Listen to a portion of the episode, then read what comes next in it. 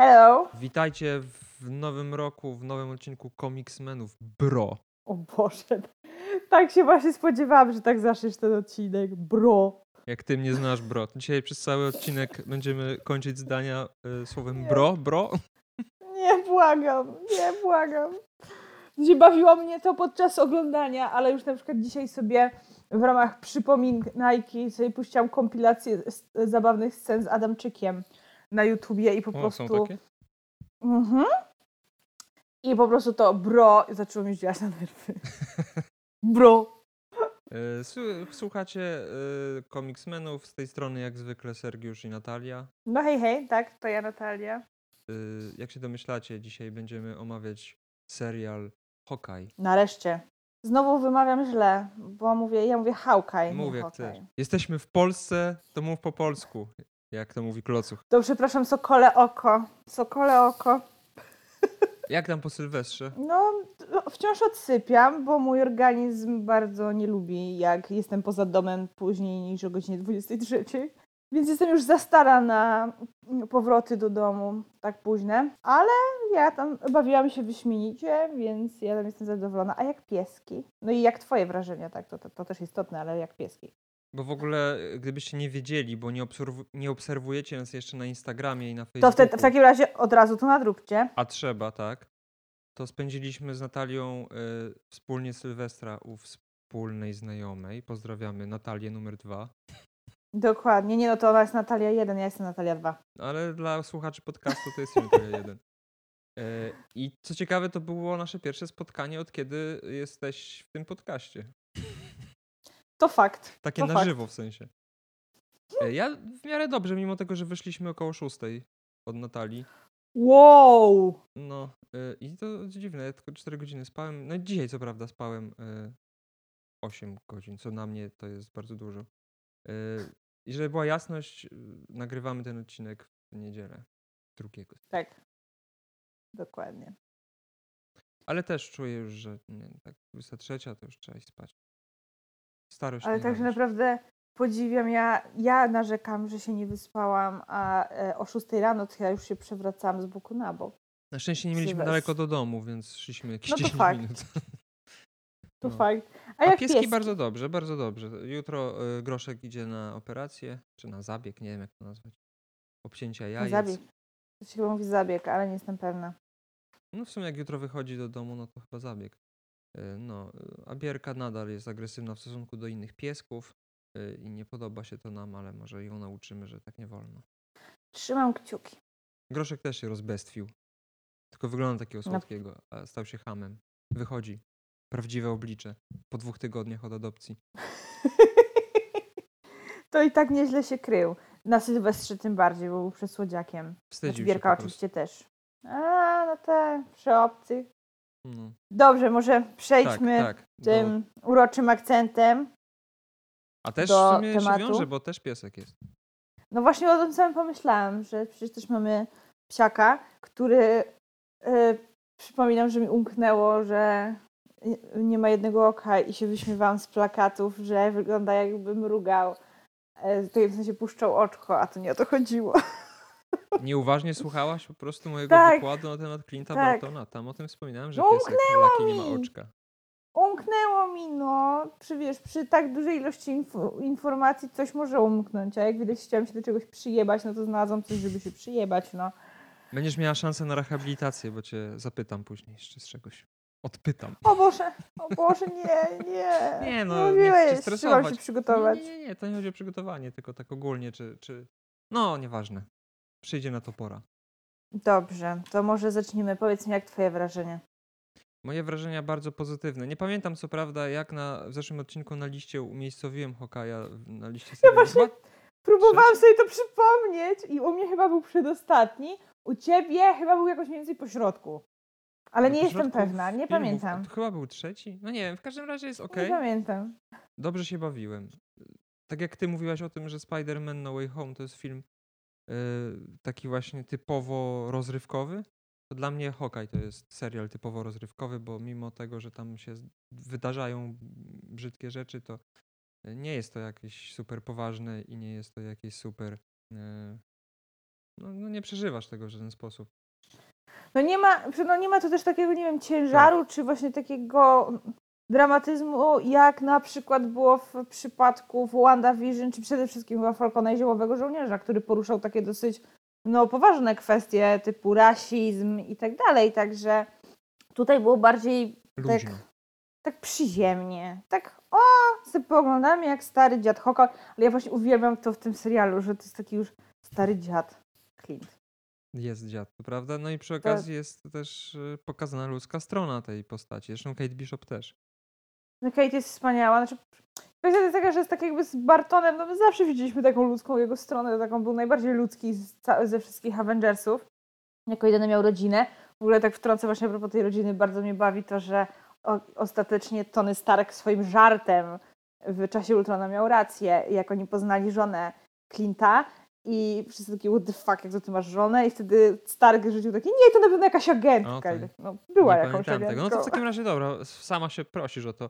Czy wyłapałaś, y, co to jest za nawiązanie do komiksów? A Nie. pamiętasz, jak wspominałem o Bobby Morse? Mockingbird? Żonie Hokaja? No, Ona była agentką S.H.I.E.L.D., to była agentka 19. O Boże, a, a faktycznie, ja ona tutaj no ma Laura na imię w tym ta Johna Howe Tak, serialowa, tak, filmowa? tak, chyba tak. Tak, i ona faktycznie też jest agentką dziewięt... Oh my I god! teraz pytanie, czy, Ale to może dlatego nie, czy to jest... nie skojarzyłam, bo o, No. Ona to mi tak nie w 5, nie w 10 do tej komiksowej. Nie no, to właśnie teraz się zastanawiam, czy to jest po prostu takie nawiązanko i przy okazji wytłumaczenie, dlaczego ona mu pozwala na te wszystkie głupie ekscesy i w sumie uczestniczy w tym trochę mu pomagając przez ten serial cały.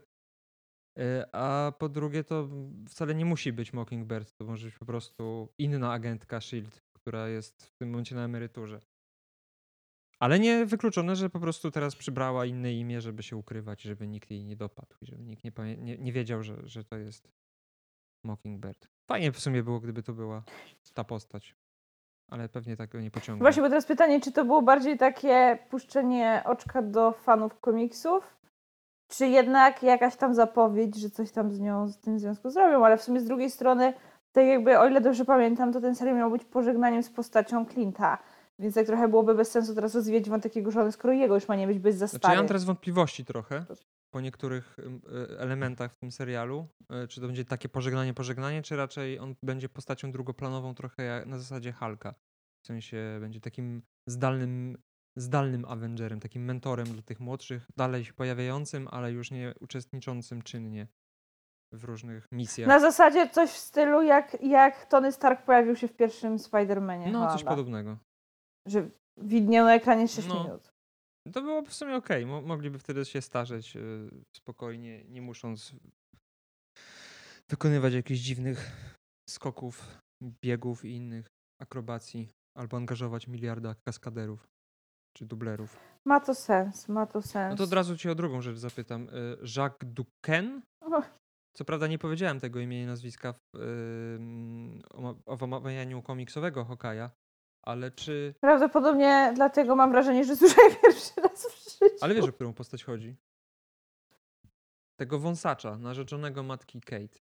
A ten, o Jezu, ja nawet słuchaj, ja nawet imienia matki Kate nie pamiętam, więc tak, to jest, Boże, to jest jak na mnie. Naprawdę nie pamiętam, jak ona miała na imię. Jak ona miała na imię? Eleanor. Eleanor, właśnie, Eleanor. Eleanor, Eleanor. Tak, tak. Bo, tak, teraz mi przypomniał, że przecież, tak, nawet i jakieś sceny, jak Jelena pisze do tej, Kate, te, twoja stara mnie wynajęła. A to akurat było bardzo miłe z jej strony. Tak jakby nie musiała jej o tym no. mówić, ja tak jakby poinformuję, bo uznałam, że, że, powinnaś, że powinnaś wiedzieć. Tak, no ogólnie Jelena taka, to dobra dziewczyna. Ten wątek Jeleny jest trochę wady. dla mnie, bo Właśnie do tego, do tego zaraz przejdziemy, bo dla mnie to jest, to jest fascynujące, że dla mnie ona, je, ona jest jednym z, z największych zalet i największych wad tego serialu. mam podobne odczucia. Ale jeszcze wracając do tego Jacka, Jacka, czy jak on tam się nazywa w serialu. Pamiętasz, jak mówiłem o Swordsmanie? Nauczycielu Hokaja, który był mistrzem w posługiwaniu się broń, bronią białą? Tak, pamiętam. No to to jest postać, która w komiksach tak samo się nazywa jak ten wąsacz z serialu. I jakby na końcu w ostatnim Aha, odcinku... ale to na pewno nie jest... Znaczy, no nie będzie pewnie Swordsmana, bo nie jest to aż tak filmowa postać, żeby ją przenosić na duży ekran czy na mały ekran. ale to było takie nawiązanie do komiksów. Jakby pojawiła się ta postać w innym wymiarze trochę, w sensie w w innym wydaniu. Ale w sumie nie mogę, nie mogę sobie teraz przypomnieć żadnego konkretnego przykładu, ale pamiętam, że tak jakby w MCU się zdarzało sporo takich Tak, tak. przypadków, że na zasadzie w komiksach była jakaś postać, która była jakaś istotna i ona się jakoś tam nazywała, a w filmach, dajmy na to, dali po prostu jakąś Mhm. randomową postać, która fakt faktem przeleciała się przez chwilę przez, ekran, ale tak się nazywała, na zasadzie takiego puszczenia właśnie oczka do fanów Mhm. komiksów. Że oczywiście, broń Boże, to nie było żadne przełożenie z komiksów, i- bo te postacie nie miały ze sobą nic wspólnego, ale tak jakby takie, a, no tak, no właśnie, takie puszczenie oczka, takie, a ma, Mata, se- pocieszta się, bo usłyszycie imię i nazwisko, Znaczy które akurat w tym tak? przypadku to jest całkiem dużo z komiksu zostało wzięte, bo nawet ten Armand, on y, też się w komiksach pojawia, tylko że to był ojciec Swordsmana. No i jakby przez cały serial wydaje nam się, albo twórcy chcą, żeby nam się wydawało, że on jest złoczyńcą, a na końcu się okazuje, że on pomaga Kate i staje się takim jakby... No tak trochę jak w przypadku Swordsmana y, komiksowego, który najpierw był niby złoczyńcą, a później dołączył do Avengers i nawet poświęcił swoje życie za walkę o dobro. Więc tutaj jest jednak trochę bardziej ta postać rozbudowana i w taki niegłupkowaty sposób przeniesiona na, do, do uniwersum filmowo-serialowego. Dobrze, to teraz mam pytanie, co Ci się najbardziej podobało w tym serialu? Największe plusy? Mi się najbardziej podobało wprowadzenie Kingpina. Finał czwar- piątego odcinka i moment, w którym Kate dostaje tego SMS-a, tam MMS-a i Clint jej mówi, że to jest Kingpin i tego się obawiał, że to właśnie on przez cały czas za tym wszystkim stoi. Ale najlepsze w tym wszystkim, no nie było na to zdjęcie. Czyli to było bardziej na zasadzie, że nie wiem, czy na że zapamiętam tą scenę, bo nie było tak, że on się obawiał, że, te, że on za tym wszystkim stoi, tylko on powiedział to już taką jakby totalną pewnością, że ja, ja przez chwilę miałam takie what the fuck, że tak jakby mi umknęło, że oni wcześniej o tym mówili. Ona pokazała to zdjęcie i on mówi do niej, że no to to jest ten, że co to jest za koleś, tak? A on mówi, że no ten, tak jakby, którego cały czas tam ścigamy, czy który za tym wszystkim stoi, Kingpin. To było na zasadzie takiej, że to była taka oczywistość, że to jest on, że to Kingpin za tym wszystkim stoi, tylko ja by tak siedzę, że jestem jakaś głupia, że, że nie ogarnęłam. Za chwilę y, do tego dojdziemy, ale y, w czwartym odcinku pojawiła się sugestia, że może chodzi o Kingpina, bo jak on dzwoni do Lory, to tam właśnie kilkukrotnie się chyba Big Guy na niego mówią, bo coś w tym stylu.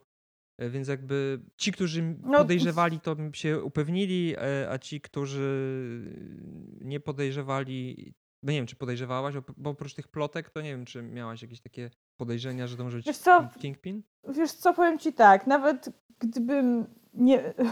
Swoich przemyśleń, jakbym miała jakieś swoje tam przemyślenia, ja tak jakby namiętnie obserwuję Łysego z Marvela na Facebooku, on non stop o tym trąbił, więc tak jakby choćby dawali jakiekolwiek in... wskazówki, że to mogłaby być inna postać, to ja i tak byłam pewna od początku, że to będzie Kingpin i koniec. Znaczy tutaj nie było żadnych, żadnych wątpliwości, jakby y, ten serial jest bardzo podobny do Lokiego moim zdaniem pod tym względem, że tutaj nikt się nie krył z tym, że to będzie Kingpin za bardzo. W sensie była taka niepewność, ale to jakby w, na każdym kroku było pokazywane. Już od trzeciego odcinka, jak I się pojawiła ta retrospekcja Mai i ten ktoś tajemniczy, wujek łapiący ją za, za buzię, to już było wiadomo, że to jednak będzie Kingpin. Pytanie tylko, czy to będzie Kingpin z Daredevila, z serialu Netflixa, czy jakiś Tak, inny. tak. Znaczy, to, ale to tutaj też były przecieki, były pogłoski właśnie, że Vincent, którego nazwiska nigdy nie nauczy się Donofrio? wymawiać.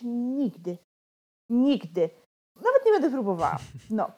E, No więc to były tam pogłoski, że to będzie on, więc ja też automatycznie wychodziłam z założenia, że tak, to będzie ten Kingpin. Bo nie oszukujmy się, tak jakby on jest zajebisty w tej roli.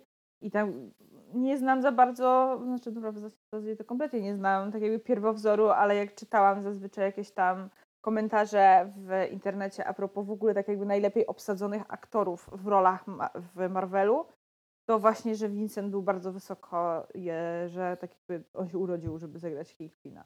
Właśnie, ale to o czym mówiłeś, że to było trochę jak z Lokim, że oni się nawet już nie próbowali kryć z tym, że tak jakby, że to będzie on. I to jest widać po tym, że oni nie zrobili mu jakiegoś takiego, wiesz, dramatycznego wejścia, jak miała na przykład, nie wiem, agentka Carter w Falconie Zimowym Mhm. Żołnierzu. Tylko tak po prostu tak randomowo pokazali nam fotę i powiedzieli Kingpin.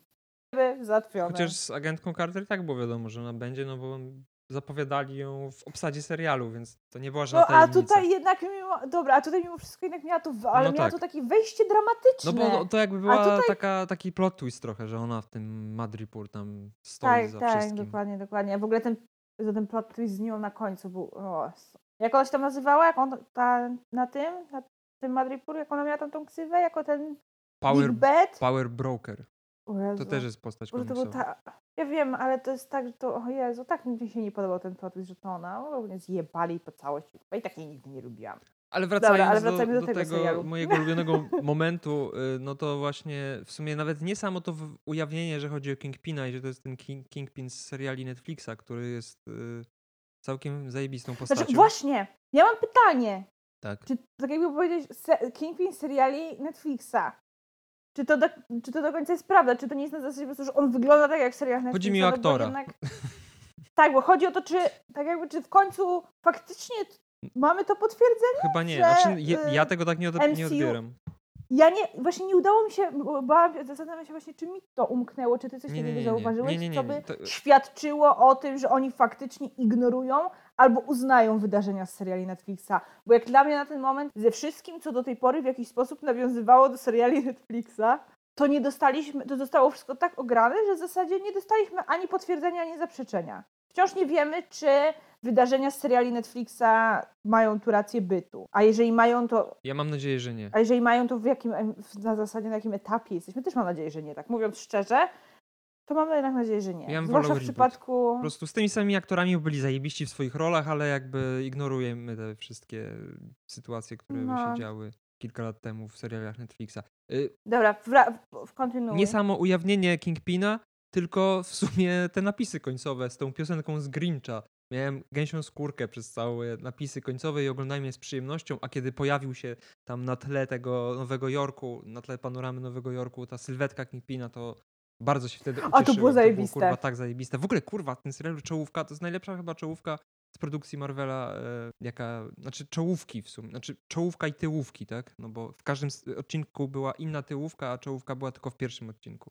Nie wiedziałam, że jest coś takiego jak tyłówka. W No to sensie, że to ma taka animacja końcowa. Taką nazwę. Próbuję sobie przypomnieć, czy w Loki w ogóle coś takiego było, nie pamiętam. Ja nie wiem, chyba... Pamiętam- A nie, było coś, ale nie pamiętam co. W WandaVision bywało różnie, t- e, ale niektóre czołówki mi się tam podobały, a w tym, w Falconie tyłówki też mieli fajne w sumie. Ale faktycznie te Hawkeye'owe jakoś tak, one miały takie, taki fajny klimat, takie i pasowały do tego serialu i były takie trochę z jajem. One były przede wszystkim inspirowane Mhm. komiksem, na którym w dużej mierze ten serial bazował i też z tego powodu No i uważam, tym jest zajebiste, bardziej, bo fajnie więc... to wykorzystali. A co tobie się najbardziej podobało? Nic. Piotr Adamczyk. Piotr Adamczyk. Nie, autentycznie, z jednym z największych plusów dla mnie jest Piotr Adamczyk. E, No, przedstawienie właśnie Clint'a jako starego dziada i w sumie takie wytłumaczenie, wytłumaczenie też tego, że to nie jest tak z dupy, że o, znudziło mi się bycie Avengerem, więc oddaję, przekazuję pałeczkę, tylko koleś jest kurwa zmęczony życiem i bardzo mi się podoba to, że oni tak jakby bardzo ładnie wyważyli to, co się dzieje, w sensie pokazywanie tego, co się dzieje teraz z nawiązaniami do przeszłości, bo ja się bałam strasznie właśnie w większości tych seriali. I to na przykład był spory problem moim zdaniem Falcona i Zimowego Żołnierza, ciągłe wracanie w rozmowach między bohaterami w wydarzeniach do tego, co my już widzieliśmy w Mhm. filmach. No tutaj też trochę to Już było wie- po- z tą Black Widow, tak. e, tak Było, zrobili. tak, tylko że właśnie po pierwsze to było lepiej wyważone, fajnie to wyważyli. Wiemy, że Clint jest jaki jest przez to, co tam wszystko się wydarzyło, jak na przykład wytłumaczenie, dlaczego on traci słuch i w ogóle jak oni to pięknie pokazali po prostu na ekranie te urywki z filmów, gdzie tu coś wybucha, on gdzieś tam leci i tak dalej. To naprawdę ma sens, to nam tak jakby bardzo przypomina, że on wciąż jest tylko człowiekiem. I to bez żadnych supermocy i tak dalej. Właśnie to, co mi się też bardzo podobało, to, to no, tak jakby, o, ja rozumiem, że serial, który jest o Hawkeye'u miał za zadanie tak jakby wystawić w końcu raz, chociaż ten jeden raz Hawkeye'a na piedestał, ale bardzo fajnie tak jakby podeszli do tego, że pokazanie, że dla niektórych osób to Hawkeye był najlepszym Mhm. Avengerem, typu no, na przykład dla Kate, tak? Że dla niej nie jebać jakiegoś Tora, jakiegoś Kapitana Amerykę czy Ironmana i tak dalej, to ona nawet rzuca do niego tekst, że tak jakby pokazałeś mi, że można być superbohaterem nawet nie mając supermocy. Mhm. I to było fajne, taki naprawdę trochę inaczej, znaczy trochę inaczej, znaczy patrzę na Hawkeye'a tak samo jak patrzyłam, tak, bo to nie jest tak, że nagle okazuje się, że to jest postać jest jakaś inna, czy ona dostaje jakiejś większej głębi, czy coś w tym stylu, po prostu dostaje więcej czasu i tak jakby bardziej emocjonalnie zaczynam podchodzić do tej postaci, bo ja muszę przyznać, że on wcześniej tak dosłownie w filmach to mnie gówno obchodził, tak, mówiąc totalnie szczerze, jedyne co mnie tam jakoś w miarę ruszało, to ta jego relacja z, no po części z Nataszą, ale też z Wandą. jak był cały ten wątek z tym bratem Mhm. Wandy i to o, nie wiem czy w ten, czy, bo zazwyczaj jak z kimś rozmawiam, to nikt tego nigdy nie wyłapał, że przecież ten najmłodszy synalek Hawkeye'a ma na drugie Pietro, że on dostał imię po bracie Tak, Wandy. mówiłaś w jednym z Nazywa. Nathaniel Pietro Barton. A, no, no to widzisz, no ci powtarzam, ale to chcę, żeby, żeby nasi słuchacze zapamiętali. Na przykład dla mnie to No. ten serial dużo y, tą postać y, mocno ją rozbudował, bo ja y, kompletnie w ogóle nie pamiętałem tego momentu. Y, Pamiętam, że Quicksilver umarł w Age of, w Age of Ultron, ale nie pamiętałem, że on ratował Hawkeye'a i że w ogóle tam była ta rozmowa właśnie, że on tą Wandę motywował do jakby działania. Bo tam było coś takiego, nie? To było w, takiego motywował do działania, to ją w Civil War, jak jej kazał ruszyć dupę. A to nie było w tym? Tak No widzisz, mi się kazał jej ruszyć dupę. Ale te filmy po dwa razy widziałem, więc ja nie To pamiętam. było w Civil War, jak on ją uwolnił z e, siedziby Avengersów, bo tam ją przecież przetrzymywał wbrew jej woli Tony Stark Okej. i Hawkeye tam poleciał. Dobra, to widzisz, mi się ten film No, a to faktycznie tak, no Quicksilver, tak jakby Hawkeye ratował małego chłopca Sokowi i tak jakby Ultron zaczął do nich Mhm. strzelać i Hawkeye tak jakby wiedział już, że zginie, po prostu go za, zasłonił tego dzieciaka swoim ciałem, a wtedy uratował ich Quicksilver. To był ten ich tekst, który oni ciągle do siebie rzucali, bo oni się przecież strasznie nie lubili Hawkeye i Pietro, że you didn't see that coming. No i tutaj właśnie... Przykre. Pietro, pamiętam chyba w jakichś ciekawostkach ktoś to mówił, że dostał 84 Mm. kulki. Ładnie go podziurawili, idulek. No ale widzisz, No ja to pamiętałam, bo ja dosyć. Ja parę razy oglądałam Czas Ultrona, to nawet byłam przecież w stanie wyłapać e, błąd w WandaVision a jaki? przez to. No, że no, rozmawialiśmy o tym, że w WandaVision jak jest pokazana Zamach, ta tak? Tych retrospekcja, jakich rodzice giną. W, e, tak, że oni, e, Pietro w czasie Ultrona Mhm. opowiadał, że oni siedzieli Tak, tak, przy tak. stole. A tutaj siedzieli i oglądali telewizję. No, także to byłam w stanie zapamiętać. No i tak dość. Pamiętam, że ja dosyć mocno pamiętałam, że on zginął przez to, że uratował Hawkeye'a, bo ja jestem wielką fanką Quicksilvera. Tego z MCU. Fakt faktem oczywiście dużo, du, duże skrzypce gra tu fakt, że po prostu a, uwielbiam Arona Taylor, Taylora Johnsona. No i też ze względu na Wandę, ale no właśnie to tak jakby no, dla Wandy zadziałał, dla, jej, dla niej jako postaci bardzo, no plus to, że tego brata nie ma, ale ja jednak liczyłam bardzo, że on wróci jednak. No Serial. WandaVision do tej pory nie wkurwia mnie nawet. Ja wolę Quicksilvera Aczkolwiek z filmów ja- X-Men. A ja nie. A Mimo, że znaczy ja go bardzo lubię, ja uwielbiam tą postać. i Fakt faktem uważam, że jego moc była o wiele fajniej wykorzystana, ale jakoś tak, nie wiem, ten Quicksilver z MCU jakoś tak, nie wiem, bardziej, mi- bardziej mi odpowiadał. Tamten był zbyt pajacowaty dla mnie, a ten bywał zabawny, w scenie usuniętej jest całkiem zabawny. I go i tak było tak mało w tym filmie, a jeszcze wycięli scenę z nim. Fajny i tak dalej, no te jego moce faktycznie były słabo pokazane i tak dalej, ale na przykład jeszcze a propos tego, co, co nam zrobili z WandaVision, a propos Quicksilvera, ja należę do bardzo wąskiego grona osób, przynajmniej odnoszę wrażenie, że to grono osób jest bardzo wąskie. Żart z Ralphem Bonerem mi się absolutnie tak podobał. Mi też. To było kurwa tak piękne. Tak, no ja widziałam, że dużo osób było bardzo oburzonych i zniesmaczonych, a dla mnie to był jeden z największych plusów finałowego odcinka. Jeszcze zwłaszcza, że Evan Peterson tak fajnie zagrał tego Bonera. Taki cień. Miał coś pięknego. No i widzisz, co się dzieje. Y, No, ale Zaczęliśmy mówić o Quicksilverze, bo Hawkeye filmowy jest tak nudny, że zapominasz o nim automatycznie. I on trochę przy, przypadkiem Visiona. Bo dla mnie Vision filmowy też przez, przez większość tych filmów, no to był postacią, która tam jest, lata, zajebał tego Ultrona i do tego Tak. się ograniczała jego, jego występowanie. No i jeszcze oczywiście związek z Wandą, no, który też moim zdaniem w ogóle nie został pokazany w żaden ciekawy sposób, tylko pyk, w następnym filmie już są razem Tak. i chuj. U mnie, ja na przykład osobiście, e, jak rozmawiałam z wieloma moimi znajomymi, którzy oglądali te filmy tak jakby po mnie, to po pierwsze właśnie mówiłam, że jestem w szoku, że no w Infinity War zginęło naprawdę dużo postaci. I byłam w szoku, że no tam kurna ginie Loki, e, ginie Bucky, a ja to, to już wtedy już wyszłam trochę z obsesji na mówcie Buckiego, może to jest kwestia tego. No, ale tak jakby ja byłam w szoku, że śmiercią, która zabolała, tak wzruszyła mnie najbardziej i ja do tej pory utrzymuję, że dla mnie to jest najbardziej wzruszająca śmierć w MCU nawet bije na głowę Starka i Nataszę, to jest właśnie śmierć Visiona. I mnie to bardzo zdziwiło, bo Vision zawsze był postacią, która interesowała mnie tyle, co zeszłoroczny Mhm. śnieg. A wręcz, wręcz o chwilami mi działał na nerwy, zwłaszcza w Civil War. Po prostu mnie wkurwiał. A nic za, za, w zasadzie nie wnosił. Tak samo ten związek, właśnie jak ja, jego związek z Wandą, jak ja rozmawiałam z niektórymi osobami, że tak, no dlaczego cię to aż tak ruszało, bo przecież ten związek nie był praktycznie pokazany. I ja też tak w sumie doszłam do tego, że po pierwsze, no ja to jakoś bardziej przeżywam, ja jestem wielką fanką Wandy, A po drugie, ja wiedziałam tam mniej więcej, że jak to wygląda w komiksach, w sensie, że tak jakby oni mają tą relację taką bardzo bliską i tak dalej. Nawet gdzieś tam widziałam jakiś kat z komiksów, jak Quicksilver rzuca do Wandy, że to przecież to tak jakby się zakochała w Mhm. mikrofalówce. Więc ja sobie chyba bardziej trochę też dopowiedziałam. Mhm. Oglądając te filmy, ja sobie tak już dopowiadałam tą ich relację.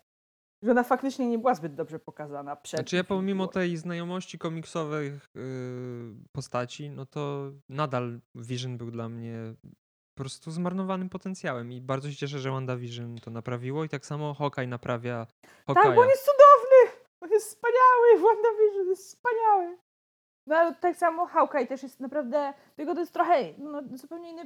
Bo tak jak Visiona to oni nam w końcu w ogóle jakiegoś tam pokazali, tak? A Hawkeye, tak jakby, tak jak mówiłam, on nie zmienił mojego pode- podejścia do tej postaci na zasadzie takiej, ja wciąż mam takie, same, takie, takie samo zdanie o Clincie jako Mhm. o człowieku, jakie miałam do tej pory. Nic, do, nic nowego się o tej postaci nie dowiedziałam, tylko po prostu poznałam Mhm. ją lepiej.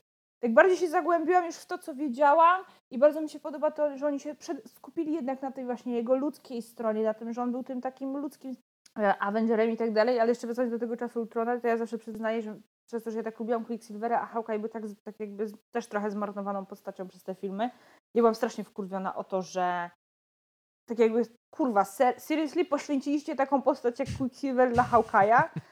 To było dla mnie, to mnie tak ubodło. Mówię, Kurwa, no nie mógł oddać chociaż tego życia, nie wiem, za Kapitana Amerykę. A to by wtedy nie miało No sensu, nie. tak? No bo Kapitan Ameryka miał tarczę, te swoje mięśnie, że te, te pociski już odbijały od tych mięśni Steve'a Rogersa. Bez przesady, to nie Superman. No dobra, co ci najmniej podobało w takim razie? Czy jeszcze chcesz... Ale jeszcze tylko jedną, jeszcze tylko chcę tak jakby rozbudować to, co mówiłam, że tak jakby to takie wyważenie wspominek z tym, co się dzieje teraz. Bardzo mi się podoba, chociaż chwilami można było odnieść wrażenie, że trochę za dużo gadają o tej Nataszy, ale jednak ze względu na to, że pojawia się Jelena, miało to sens. Bardzo mi się podoba to, że pamiętali o tym, że tak jakby, kurwa, ona była jego najlepszą przyjaciółką. Ich relacja była dosyć wyjątkową relacją, tak? On uratował jej życie. Ona w zas- w zasadzie zawdzięczała mu to życie, a później ona oddała to życie za niego. W sensie ja nawet sobie nie jestem w stanie wyobrazić, jak olbrzymi ciężar to musi być dla niego, że ona poświęciła swoje życie, okej, tak jakby, żeby ratować ludzkość, ale no tak jak, tak jak nawet jest w Endgame ta scena, jak Avengersi o tym rozmawiają i on z takim, takim łamiącym się głosem, z takim płaczem, że, że to miałem być ja Mhm. Że to on chciał to zrobić, ale ona jednak nie dał rady, tak było go powstrzymać, co nawet zresztą powiedział Jelenie, tak, że walczył z nią, ale była lepsza po prostu, i go pokonała i się poświęciła. No to musi być straszne, w sensie tak jakby masz do końca życia, masz taką świadomość, że tak jakby każda chwila, którą masz na tym świecie, to jest tylko i wyłącznie dlatego, że jedna z najbliższych ci osób umarła. To jest straszne. Więc miał prawo być zmarnowany i zmęczony. Tak, zmęczony, zmęczony życiem, po prostu takie, bo na zasadzie w takiej sytuacji człowiek może zadziałać tak jakby dwa, na dwa różne sposoby. Pierwszy, to, czyli na zasadzie albo będę totalnie korzystać z życia i tak jakby, jak to powiedział Jack Dawson w Titanicu, e, żeby liczył się każdy dzień. Tak jakby, żeby ta jej ofiara nie poszła na marne. Albo Mhm. właśnie w drugą stronę na zasadzie, bo tak jest bardzo widać po tym klincie i to też wybrzmiewa przecież w scenie z Jeleną, że niby dlaczego ty jesteś wart tego, że ona się dla ciebie poświęciła. I Clint przecież wychodził z założenia, że nie był. I to jest no, strasznie smutne. Ale właśnie tak jakby tu jest ten plus, że tak oni bardzo ładnie pożegnali tą Nataszę. Zrobili to o wiele lepiej niż zrobiła to Czarna Wdowa. W sensie film. Też tak uważam. E, Bardzo ładnie pokazali, jak ważna była dla niego Natasza i tak dalej, i tak dalej. Aczkolwiek, no kurwa, no ten wątek Jeleny to jest... Ja się bardzo cieszę, że Jelena się pojawiła, bo Jelena jest super, ja uwielbiam Florence. Ona bardzo fajnie, widać, że ona ma dużo fanów z grania Jeleny. Bardzo. A to, to rozumiem, teraz przechodzimy do tego minusa, tak? Największego. Tak, znaczy Okej. To dobra. chyba jest dla mnie największy minus tego serialu w sumie. Tak autentycznie jest to, aczkolwiek no trochę moja kochana Vera Farmiga też mnie trochę zawiodła w roli matki Eleanor, to muszę przyznać. Że było jej tak mało, czy że była taka se? Taka, bardziej chodzi mi o grę aktorską. Po Mhm. prostu. Ja, ja rozumiem, że ona nie, wszys- nie wszędzie musi grać tak jak w Bates Motel, bo ona mi dla mnie zawsze będzie normą. I to jej darcie ryja i ta jej taka nadekspresja. Więc tutaj, jak ja już po prostu, jak ja tylko zobaczyłam, że ona jest w tym serialu, już byłam tak ucieszona, a tu, no, no zawiodła mnie trochę, to muszę przyznać. Ale no, no jednak tym minusem największym jest Jelena, mimo że uważam właśnie też to za plus, tak fajnie, że ta postać się pojawiła. Jak ona miała wrócić w którejś produkcji po Czarnej Wdowie, to miało to sens, żeby to było w Hawkeye'u. No Florence ją fajnie gra, bardzo, bardzo, to, to, o właśnie to jest jeden z dużych plusów, relacja Jeleny i Kate. Tak. Ona jest bardzo fajna. Tak. Ale ta scena między Hawkeye'em a Jeleną, ta na koniec. Mhm. Oczywiście ja zareagowałam tak, jak twórcy chcieli, żebyśmy zareagowali, czyli płaczem i o Chryste, Panie, cofałam was 15 razy, żeby jeszcze bardziej sobie płakać, bo jestem masochistką, ja lubię popłakać. I tak mi było szkoda tej Jeleny i tak dalej, ale wkurwiało mnie strasznie to, że on mi 15 tysięcy razy powtarzał. Twoja siostra się poświęciła, nikt jej kurwa nie zabił, a ta kurwa dalej swoje. Ona była tak, zrobili z niej taką upartą, głupią gówniarę, która kompletnie w ogóle tak jakby, kto się nawet może tłumaczyć, a ona w ogóle głucha na to i ona nie miała na, jeszcze gdyby ona miała na to jakieś dobre argumenty, to znaczy gdybym odpowiadała, tak jakby nie wierzę ci, tak jakby jakoś to właśnie, dlaczego mu nie wierzy, że e, teraz, teraz Jakiś tak, deepfake chociaż. tak, że kurwa, no, e, bo, e, mówisz tak, bo nie chcesz wyjść na tego złego, tak? Bo, bo to nawet właśnie jak- jak ona rozmawia z Kate, i ona powiedziała, że dlaczego to słowo Avenger ma w sobie tyle mocy, że wszyscy mu wybaczają wszystkie jego błędy. Bo to na przykład ja, mnie strasznie wkurzyło przy No Way Home po, przy Stevie Rogersie, tak? Bo na przykład wszyscy teraz zapominamy, Mhm. kurwa, że Civil War miał miejsce i znowu robią z niego wielkiego superbohatera. Idealnego superbohatera, tak jakby właśnie wybacz... wybacz Wielu naszych słuchaczy by się, No. się z tobą nie zgodzi. I know, I know. Znaczy ja nie twierdzę, że Steve Rogers i Kapitan Ameryka nie był super bohaterem i nie zrobił wiele dobrego i tak dalej. Ja się z tym jak najbardziej zgadzam. Ale chodzi o to, że tak jakby nie zapominajmy o tym, że ten człowiek w pewnym sensie naprawdę jest zbrodniarzem wojennym. Tak? On jest kryminalistą. Bo on po, kurwa złamał prawo nieraz i kurwa cała akcja z Sokowie Akord miała miejsce do jasnej kurwa cholery. Oh, no. Nie był ideałem, nie był ideałem i nie udawajmy nagle. I tak jakby ludzie przez x czasu doskonale o tym pamiętali, bo przecież w pierwszym Spider-Manie to było wspominane, tak? A później nagle przyszło Infinity War i Endgame i nagle do, do nikogo nie ma żadnego problemu. Tak samo też mnie wkurwia w WandaVision, że nikt się Wandą nie zajął. Ja już nie mówię, że mieli ją w to pierdla wsadzić, tak? No bo tak jakby to, jeżeli ułaskawili Bakiego, co było wytłumaczone łaskawie, Mhm. o, łaskawili, łaskawie wytłumaczyli.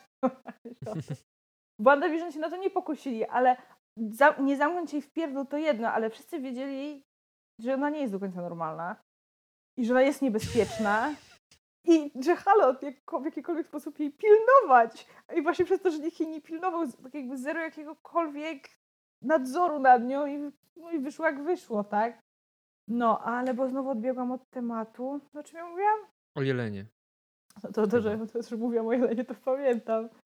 A, jak ona właśnie powiedziała, że y, dlaczego wszyscy zapominają o tych złych rzeczach, które zrobił A, Hawkeye no tak, tak, tak. i tak dalej. I ona czym mogła jakoś to argumentować? Tak, że wszystkim wmawiasz, że Natasza się poświęciła, bo masz, bo, bo masz taki komfort, że możesz to zrobić, bo nikt temu nie zaprzeczy. A robisz to tylko po to, żeby ludzie cały czas widzieli w tobie superbohatera, którym kurwa nie jesteś. Tak jakby pozwoliłeś, że pozwoliłeś, żeby umarła, tak? Albo nawet jak już dotarło do niej, że faktycznie któryś z nich musiało się poświęcić i to była Natasza, to wiesz, na, na zasadzie takie, dlaczego kurwa pozwoliłeś, żeby to była ona? Co z ciebie za przyjaciel? I tak dalej. I tak samo w sumie Clint z drugiej strony on też jakoś wybitnie nie próbował jej przekonywać na początku, tak? Zamiast od razu wyłuszczyć dziewczynie temat. Ty, słuchaj, stara, wiem, że jesteś siostrą Nataszy.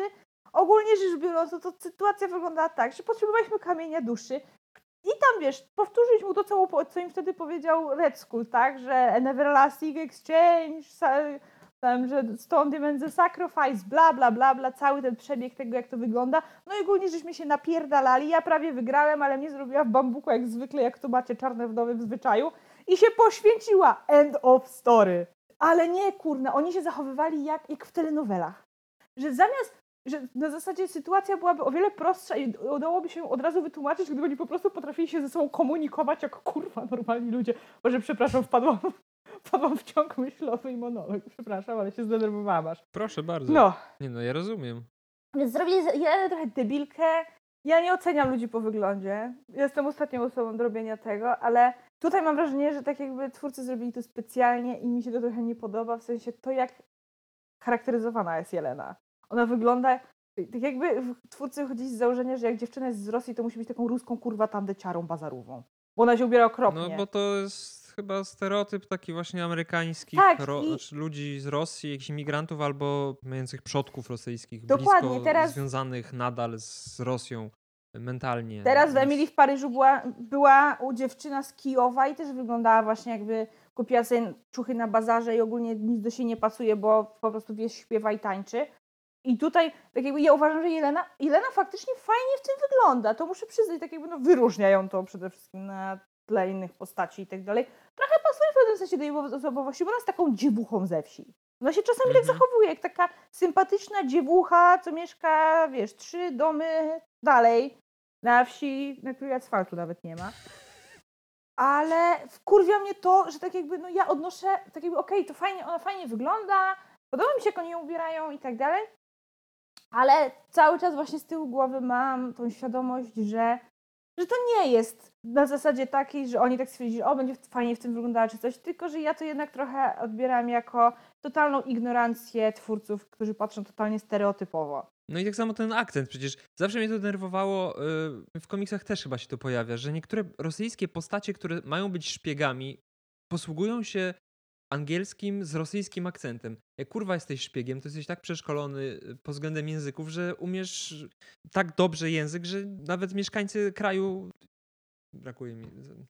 Mieszkańcy krajów, k- którego językiem się posługujesz. Tak, tak. Nie powinni umieć odróżnić, że Tak. jesteś szpiegiem, tylko że Michaela jesteś Amerykaninem. Z, z Michaela Fassbendera na przykład byłoby pi, pizdanie skoczek, jak ty to mówisz, a pizdanie szpieg, bo tak jakby my Polacy od Adam razu... Małysz tak mówi, przepraszam bardzo. Adam Małysz to powiedział. Polecam i zapraszam. Adam Małysz. Pozdrawiamy Adama Małysza. I Michaela Fassbendera też niech mu będzie. Może Anusz nas słucha. I wszystkich Polaków. No i tak jakby, no, Michaela Fassbendera w takim razie też jest pizda, nie szpieg. Przekra- przepraszam, panie Fassbender. No bo tak jakby jak on mówił po polsku w X-Menach, to tak jakby ja jako Polka od razu wyczaiłam, że no, no ni chuja nie jest Polakiem. No właśnie o to chodzi. Ten rosyjski akcent, znaczy ten rosyjski akcent w jej angielskim jest moim zdaniem nie do przyjęcia. Zresztą ona jest Tak. agentką i właśnie tak się zachowuje, jest taka łatwowierna, bo jakaś pierwsza lepsza baba jej pokazała, no ale jej nic nie pokazała tak naprawdę. Co ona jej dała zdjęcie i powiedziała, on Tak. zabił twoją siostrę. No ogólnie rzecz biorąc powiem tak. Jeszcze a propos, odnosząc się jeszcze do akcentów, to to przecież Natasza nie miała akcentu. No właśnie. Natasza mówiła po prostu po, po, z, z amerykańskim. Ona miała amerykański akcent normalnie, nie? Dobrze pamiętam. Tak. E, nawet, no przynajmniej tak ja to sobie tłumaczyłam, bo przecież Wanda faktycznie Elizabeth Olsen mówiła początkowo z akcentem, później ten akcent zniknął w Infinity War i tak jakby dopowiadając fani faktycznie, dopowiadając sobie, fani stwierdzili, że po prostu, przecież jak oni się ukrywali, no to i tak przecież Wanda wtedy pofarbowała właśnie włosy i tak dalej, że prawdopodobnie Natasza po prostu właśnie ją nauczyła tego, żeby się pozbyła swojego akcentu, bo jednak jakby nie patrzeć była z tego rozpoznawalna. Wszyscy wiedzieli, że Wanda Maximow pochodzi z Sokowi. No poza tym żyła przecież se wśród osób, które posługują się na co dzień angielskim, więc musiała się komunikować po angielsku i siłą rzeczy jakby akcent się zmienił, no. Dokładnie, a właśnie, okej, ja szczerze powiedziawszy, to u Jeleny nie zwróciłam szczególnie na to uwagi, akurat na ten akcent, bo że tak jakby mi się podoba, jak ona brzmi po prostu, więc nie, ale masz rację, że nie zwróciłam uwagi na to, że to nie ma kurwa sensu, ale w ogóle, Znaczy, nadaje drugi to charakteru postaci, ale Tak. jest bez sensu. ale właśnie tak jakby z drugiej strony wpisuje się w to, w resztę twojej wypowiedzi, do- której się teraz odniosę, pokazania takiej totalnej kurwa niekompetencji tej Jeleny. W, sensie, w, Czarnej Wdowie zostało powiedziane, że ona była jedną z najskuteczniejszych dziecięcych zabójczyn w dziejach Redrumu. To jak chujowe musiały być te wszystkie inne Czarne Wdowy, skoro ona No może jest... dlatego Związek Radziecki upadł. Chociaż akurat w sumie w MCU to ona nie była za czasów Związku Radzieckiego. No może dlatego po prostu, wiesz. O Jezu. No. Po pierwsze, właśnie, że się nie kryje kompletnie z tym akcentem. Po drugie, że ona w sumie tej Kate też sprzedała tyle rzeczy, że nawet ja, Tak. ja mam długi język, nawet ja bym tylu rzeczy jej nie wygadała. To właśnie jak ona jest łatwowierna, to jak ona się w ogóle nie kryje z tym, że nie wiem, że jest czarną wdową i tak jakby ona działa, ona mówi właśnie na przykład, że no jako czarna wdowa to jak ona się włamywała do mieszkania Kate, no to przecież oczywiście widać, że nie, nie zostawia po sobie śladów, bo jest zbyt utalentowana. Ja tak, stara, twoje tak jakby postępowanie wskazuje na coś dokładnie kurwa odwrotnego. I to jak, i przede wszystkim No tutaj powiedzmy, to, że to to nie, była psychologiczna zagrywka, i mimo- żeby ale wystraszyć. No tak to jeszcze... mimo że to było zabawne, w sensie ta scena, jak one się w tej windzie tam tłuką i później tam przez całe to piętro przelatują i się napierdzieli, w ogóle tutaj praca kamery mi się podobała, fajnie to było nagrane.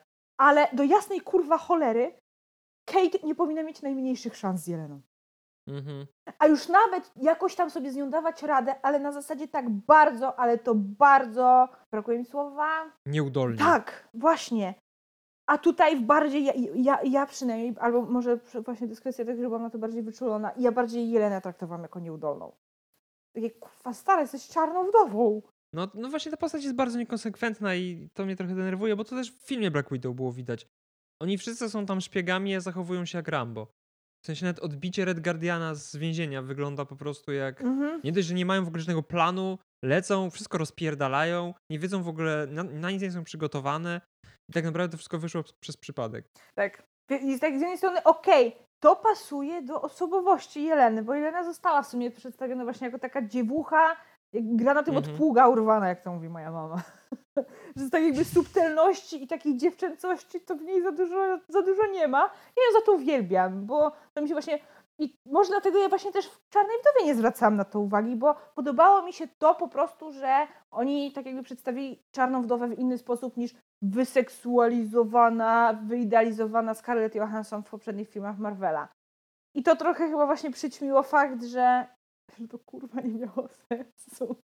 Znaczy, nie no, charakter taki może mieć, tylko niech po prostu zachowuje się profesjonalnie, Tak, a nie Dokładnie. popełnia najbardziej podstawowe że błędy. Jelena jako Jelena, jak ona sobie tam, nie wiem, rozmawia z Nataszą, czy właśnie nawet z tą Kate, to niech ona sobie mówi tym swoim akcentem, który naprawdę fajny, jest fajny. Ja nie wiem, na ile on tak jakby jest taki, jak być powinien, bo nie jestem Rosjanką, ale jak sobie gada z Kate, to spoko. Niech ona se robi, co tam chce, zachowuje się jak chce i mówi jak chce, ale do kurwy, no już jak, jest to, jak działa jako czarna wdowa, no to niech działa jako czarna wdowa, tak? My też se między sobą, wiesz, jak gadamy o, nie wiem, o nowym filmie, to o, w pytkę film, albo pizda nie skoczek z tego Fassbendera, no ale przecież jak piszesz artykuł w pracy, to nie, nie napiszesz tego takim językiem, no. Chociaż chciałbym czasami. To mnie też parę razy kusiło.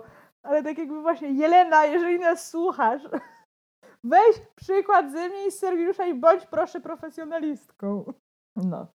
Czy już, już? Już Y, wylałam całą. Frustracja? Tak. No.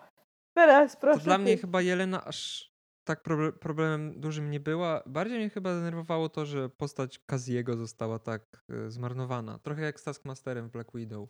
W sensie To fakt. mógł być o wiele fajniejszą postacią. e, Skoro ten serial tak bardzo bazował na tym komiksie Mata Fractiona, no to mogli zrobić z niego naprawdę zajebistego, popierdolonego, e, płatnego zabójcę, a nie jakiegoś frajera, który tak naprawdę on tam on cały czas dupy dawał, nie?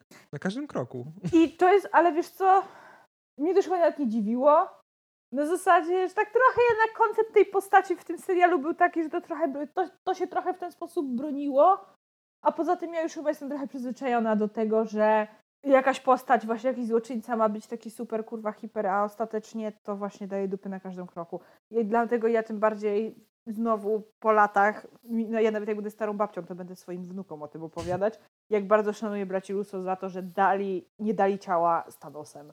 Że bo ten Thanos był tak zapowiadany przez od tylu filmów i ja się tego najbardziej bałam przy Infinity War, że on wyjdzie na pizdę. Że w, w zasadzie w tym momencie to od, tak jakby ta bańka oczekiwań i tej grozy budowanej w związku z Thanosem została już tak napompowana, że ja nie wiem, jaki on musiałby się okazać, żeby faktycznie sprostać wymaganiom. Bo po prostu poprzeczka została zawieszona tak wysoko, że ja obawiałam, ja obstawiałam, że on po prostu wyjdzie na pizdę, czego by nie robił. A tutaj udało się, że on naprawdę nie wyszedł na pizdę, przynajmniej nie w Infinity War, a, ple, a też nie był przerysowany. Ale, te, Mhm. ale w większości przypadków złoczyńców Marvela to kurwa hele się dało ostatecznie tak łatwo pokonać, a miała być tak trudna do pokonania. Male, o Malekicie to już nawet nie wspomnę. Także, więc ja, inaczej tak jakby disappointed, but not surprised w kwestii Kaziego. Ka, ka, ka, ka, Kaziego, Kaziego, kurwa Kazi, dla mnie jest Kazi. Kazi spierdalamy. Kazi. Kazi spierdalamy. Przepraszam, musiałam to wtrącić. Ponownie po, pozdrawiam pana Piotra Adamczyka. Jest pan najlepszym aspektem tego serialu. Ja też się pozytywnie Adamczykiem zaskoczyłem i, i to jest ciekawe, że on w sumie tak naprawdę nie pokazał nic wyjątkowego, bo on w wielu polskich chujowatych komedyjkach gra dokładnie tak samo jak w tym serialu. Tylko tutaj to jest dobrze wykorzystane. Jak już przy tym jesteśmy. Przy dobrym wykorzystaniu i przy chujowych polskich komedyjkach. Oglądałeś listy DM? Chyba tak mm, zerkałem No bo- niż oglądałem. Jednym z no, najważniejszych i wątków, który się zresztą przewija przez wszystkie filmy, jest wątek właśnie Piotra Adamczyka i Agnieszki Dygan, gdzie oni grają małżeństwo, które wiecznie Mhm. się na siebie wydziera. Wiecznie, oni się wiecznie obrażają, wiecznie się na siebie drą. Jak akurat ze wszystkich, tak jakby... Pierwsza część w ogóle nawet przyznaję mi się podobała listów DM, tak? Jak na polską komedię świąteczną, naprawdę spoko. Późniejsza już Ja było tego dużo... Karolaka pamiętam, jak spada przez okna, czy tam z rynny jakiś. Tak, to jest pierwsza część. Z późniejszym już jest gorzej, ale ten wątek właśnie Piotra Adamczyka i Agnieszki Dyga to jakoś zawsze, zawsze mi się podobał. Już w pewnym momencie jest mega przerysowany i tak dalej, ale jest fajne i lubię słuchać, jak ludzie się w śmieszny, w zabawny sposób drą na siebie.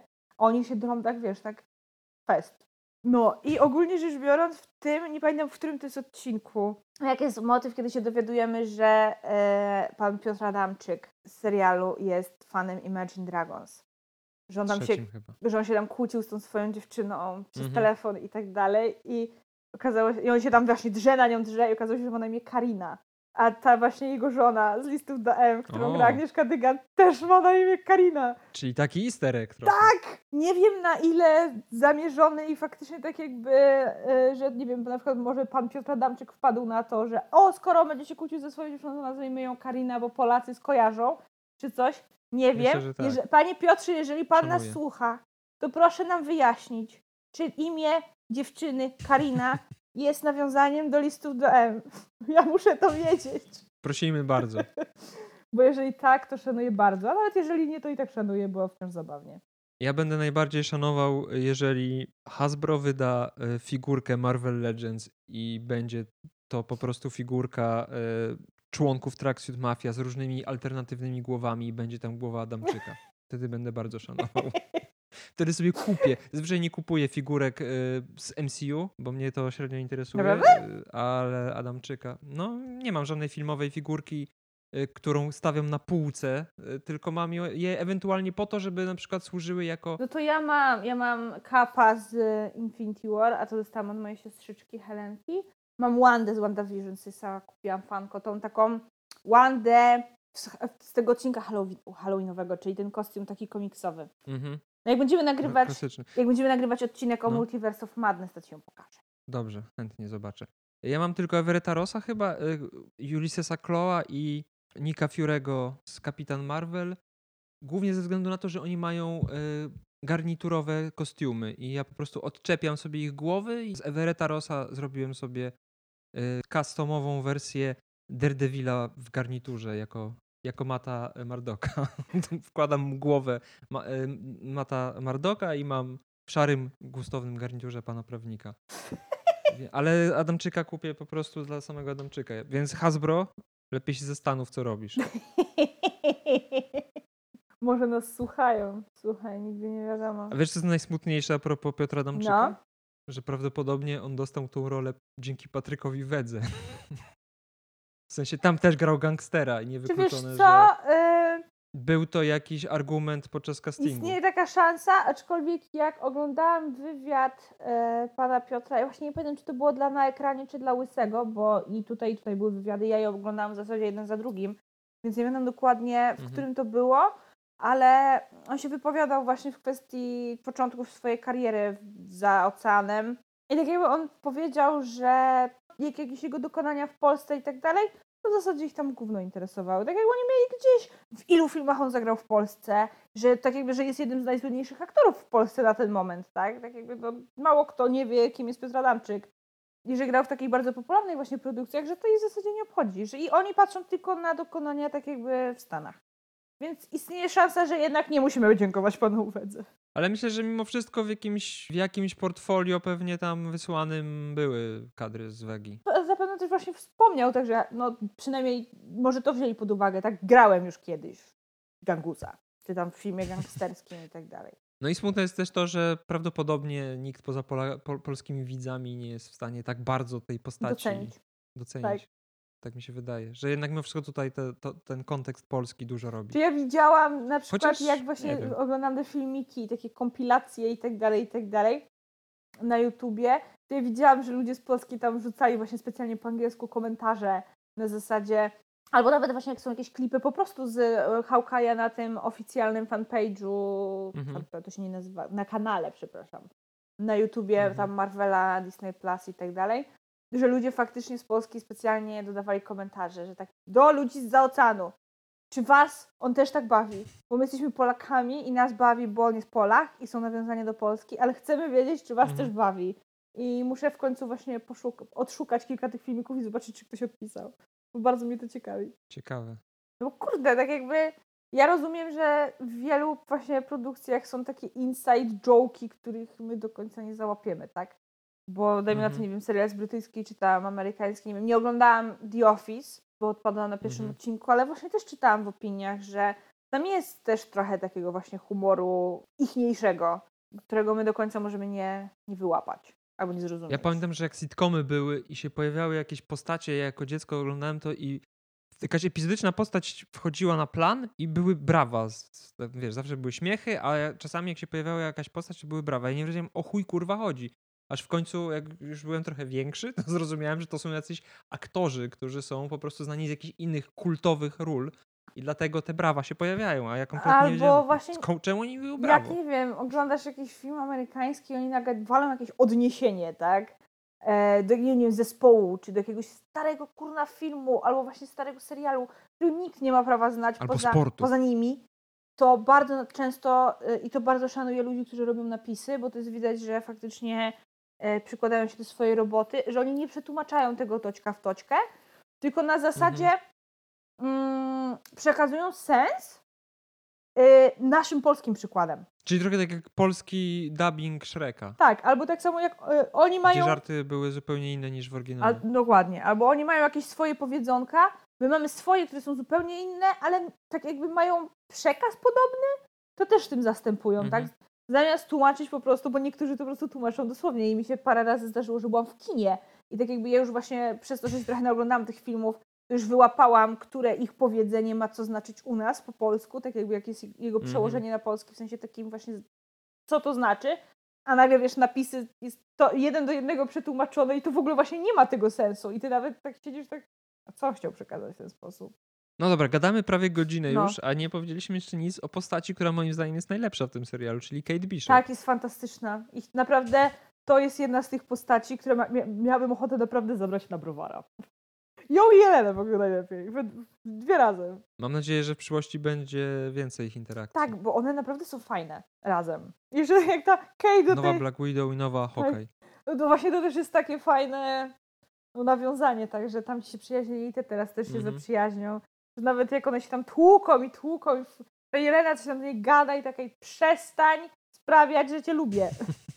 Aktorka moim zdaniem też się spisała, bo i radziła, so, fakt faktem le- lepiej sobie radziła w scenach komediowych niż dramatycznych, ale w dramatycznych też dawała radę. Ja pamiętam, że jak ogłosili, kto zagra Kate Bishop, to się ucieszyłem, bo ja wcześniej chyba nie znałem Jej znikąd, nigdy- poza Ja jej w Transformersami, ogóle nigdzie nie widziałam y, tym kompletnie. spin-offem o Bumblebee.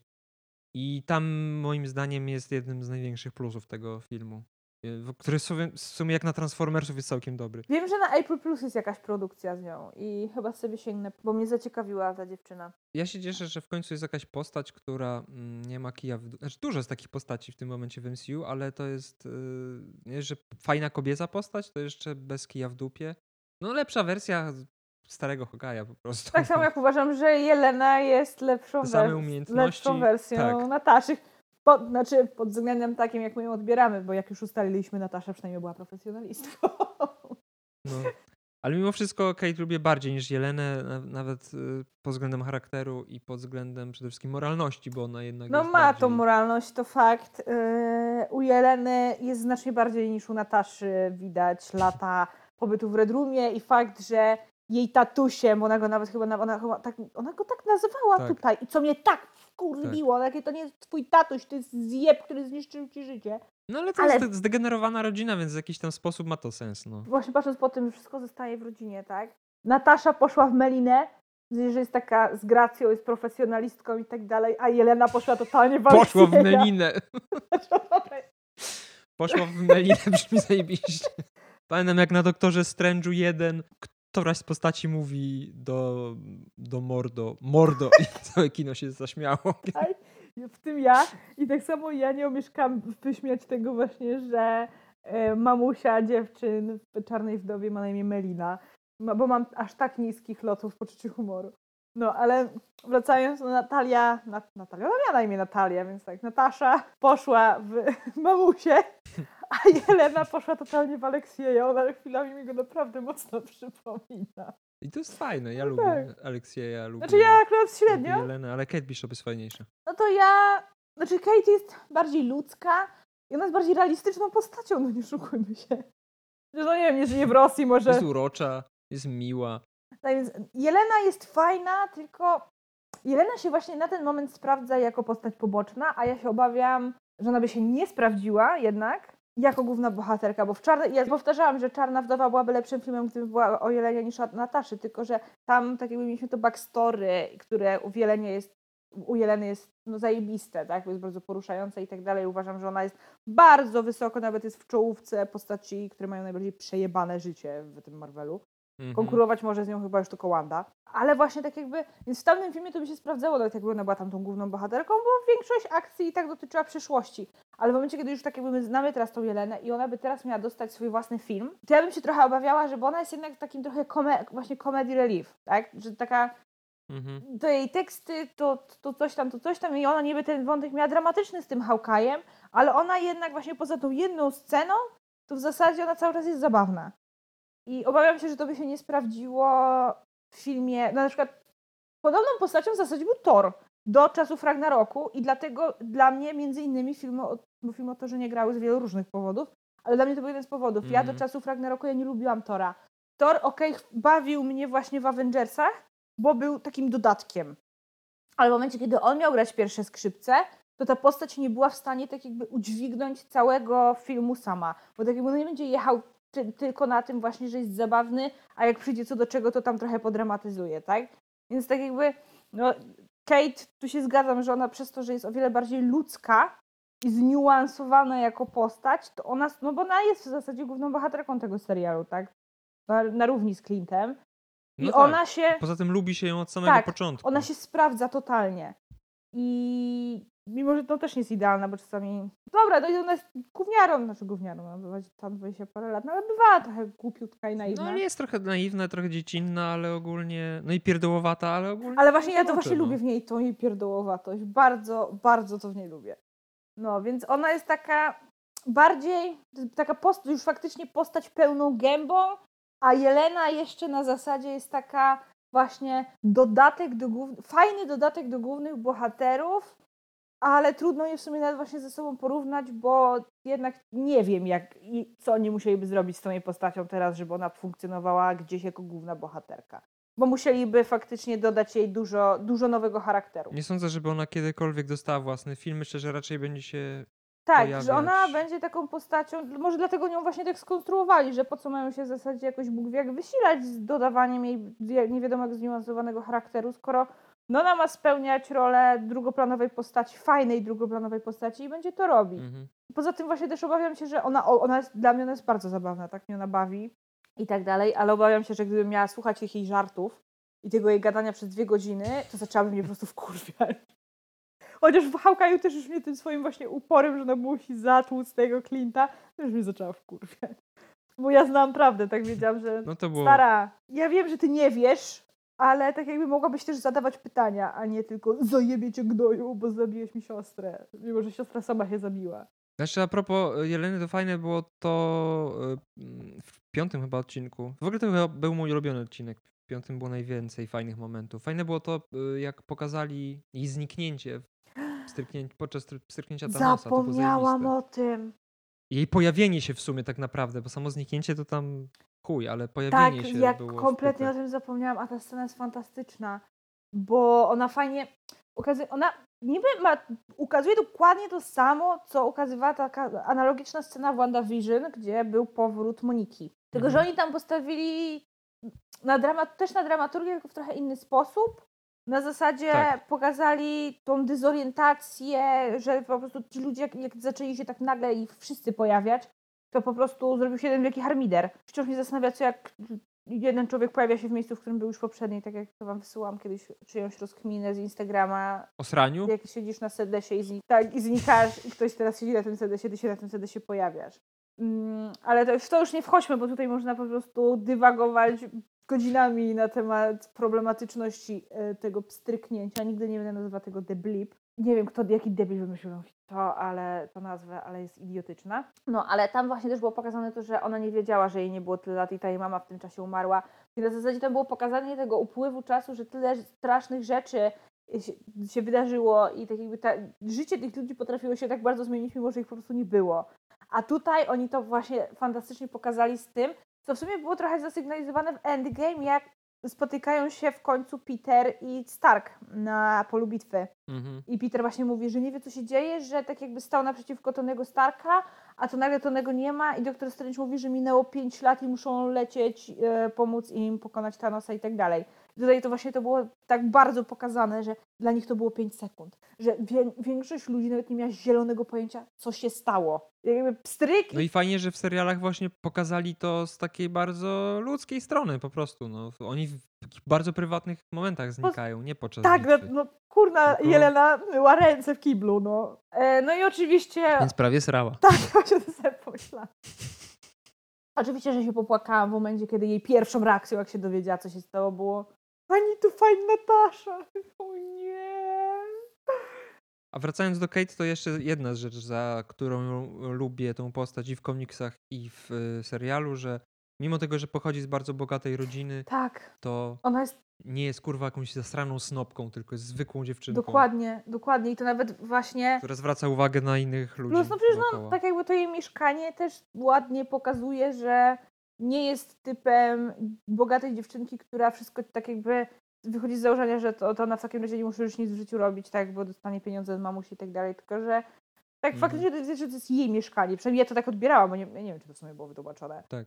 Że tak jakby to jest jej, ko, jej i ko, tak jakby tylko i wyłącznie jej, ona sobie tam na pewnie- wszystko jakoś tam, no coś tam matka ją oczywiście wspomaga, tak, no bo to nie jest tak, że ona No pracuje pewnie na co tak, dzień. pewnie matka i Nie, kupiła, ona nie? pracuje Ale- niby u tej mamy, tak, e, ale Mhm. pracuje. Po prostu. Jest taka, no jest właśnie taka down to earth, jak to się mówi po angielsku. Ja nigdy nie potrafię, Tak. nie, bo, to, bo to tak właśnie bardzo fajnie oddaje sens tego, a Mhm. nie ma żadnego dobrego polskiego odpowiednika, który by to tak dobrze oddawał. Fajnie też zostało wy- wytłumaczone to, w jaki sposób ona stała się tak zajebista w tych różnych sztukach walki i w strzelaniu z łuku.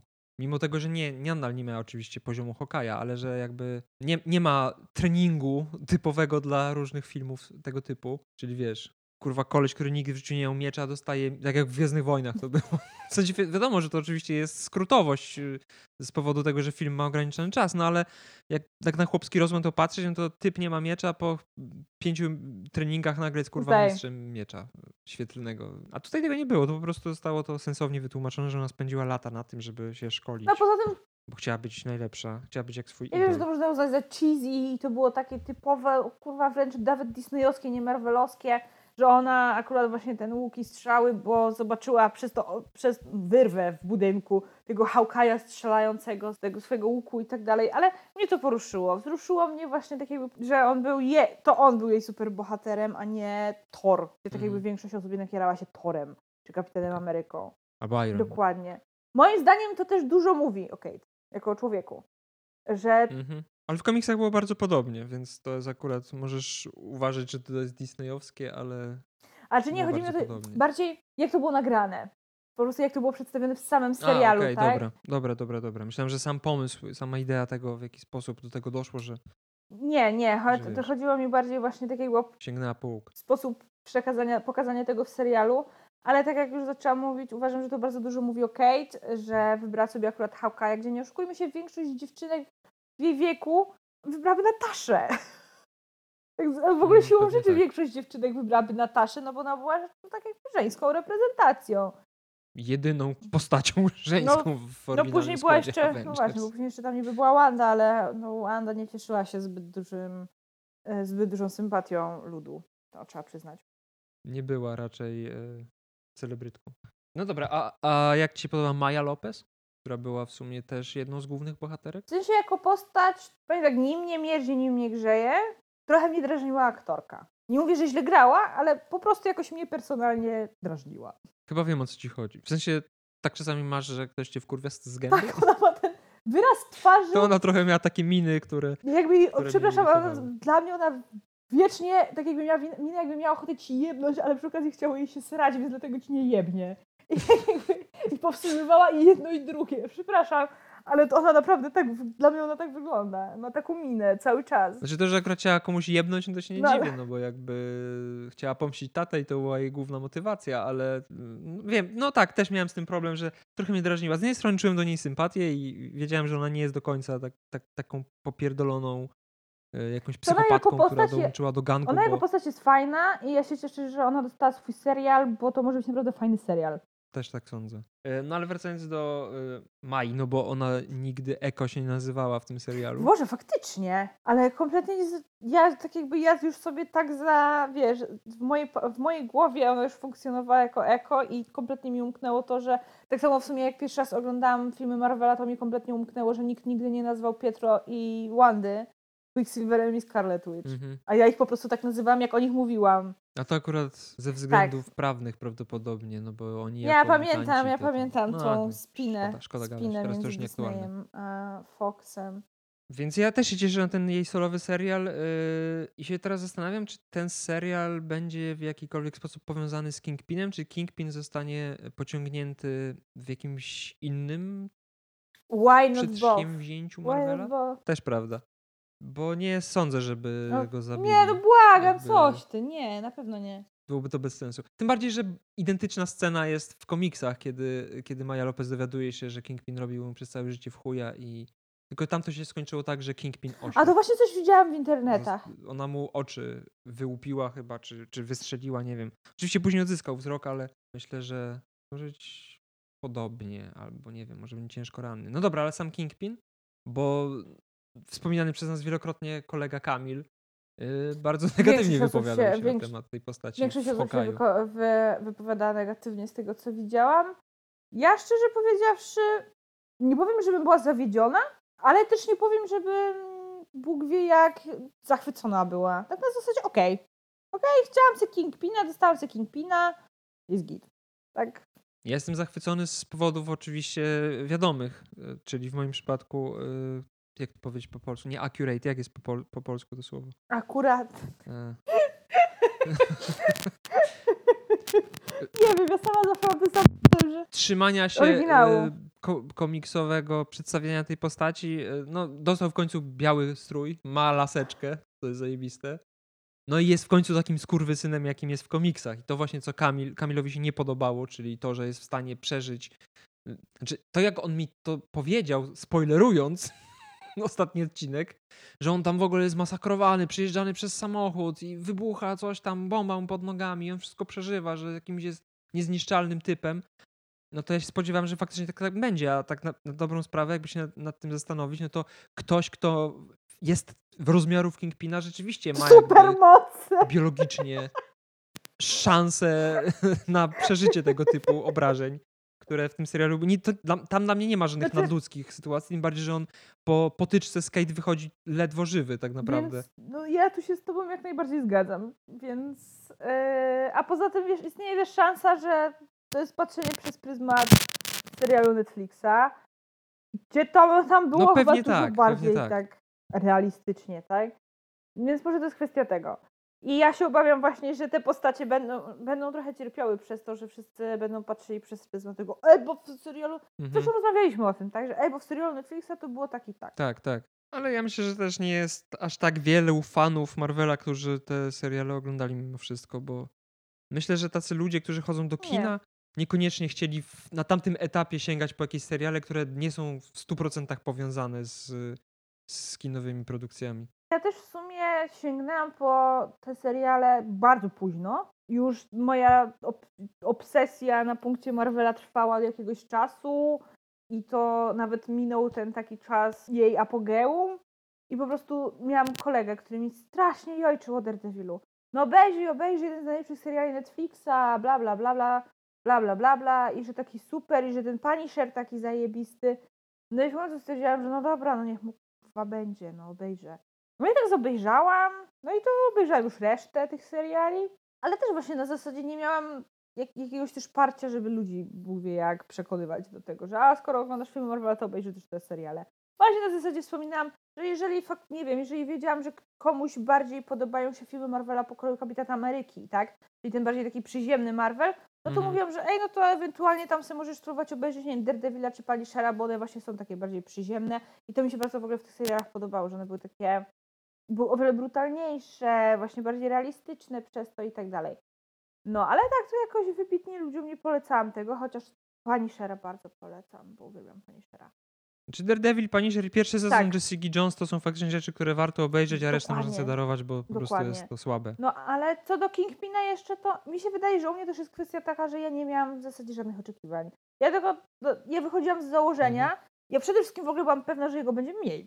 Że on będzie tak, nie wiem, w jakiejś jednej scenie, czy coś w tym stylu.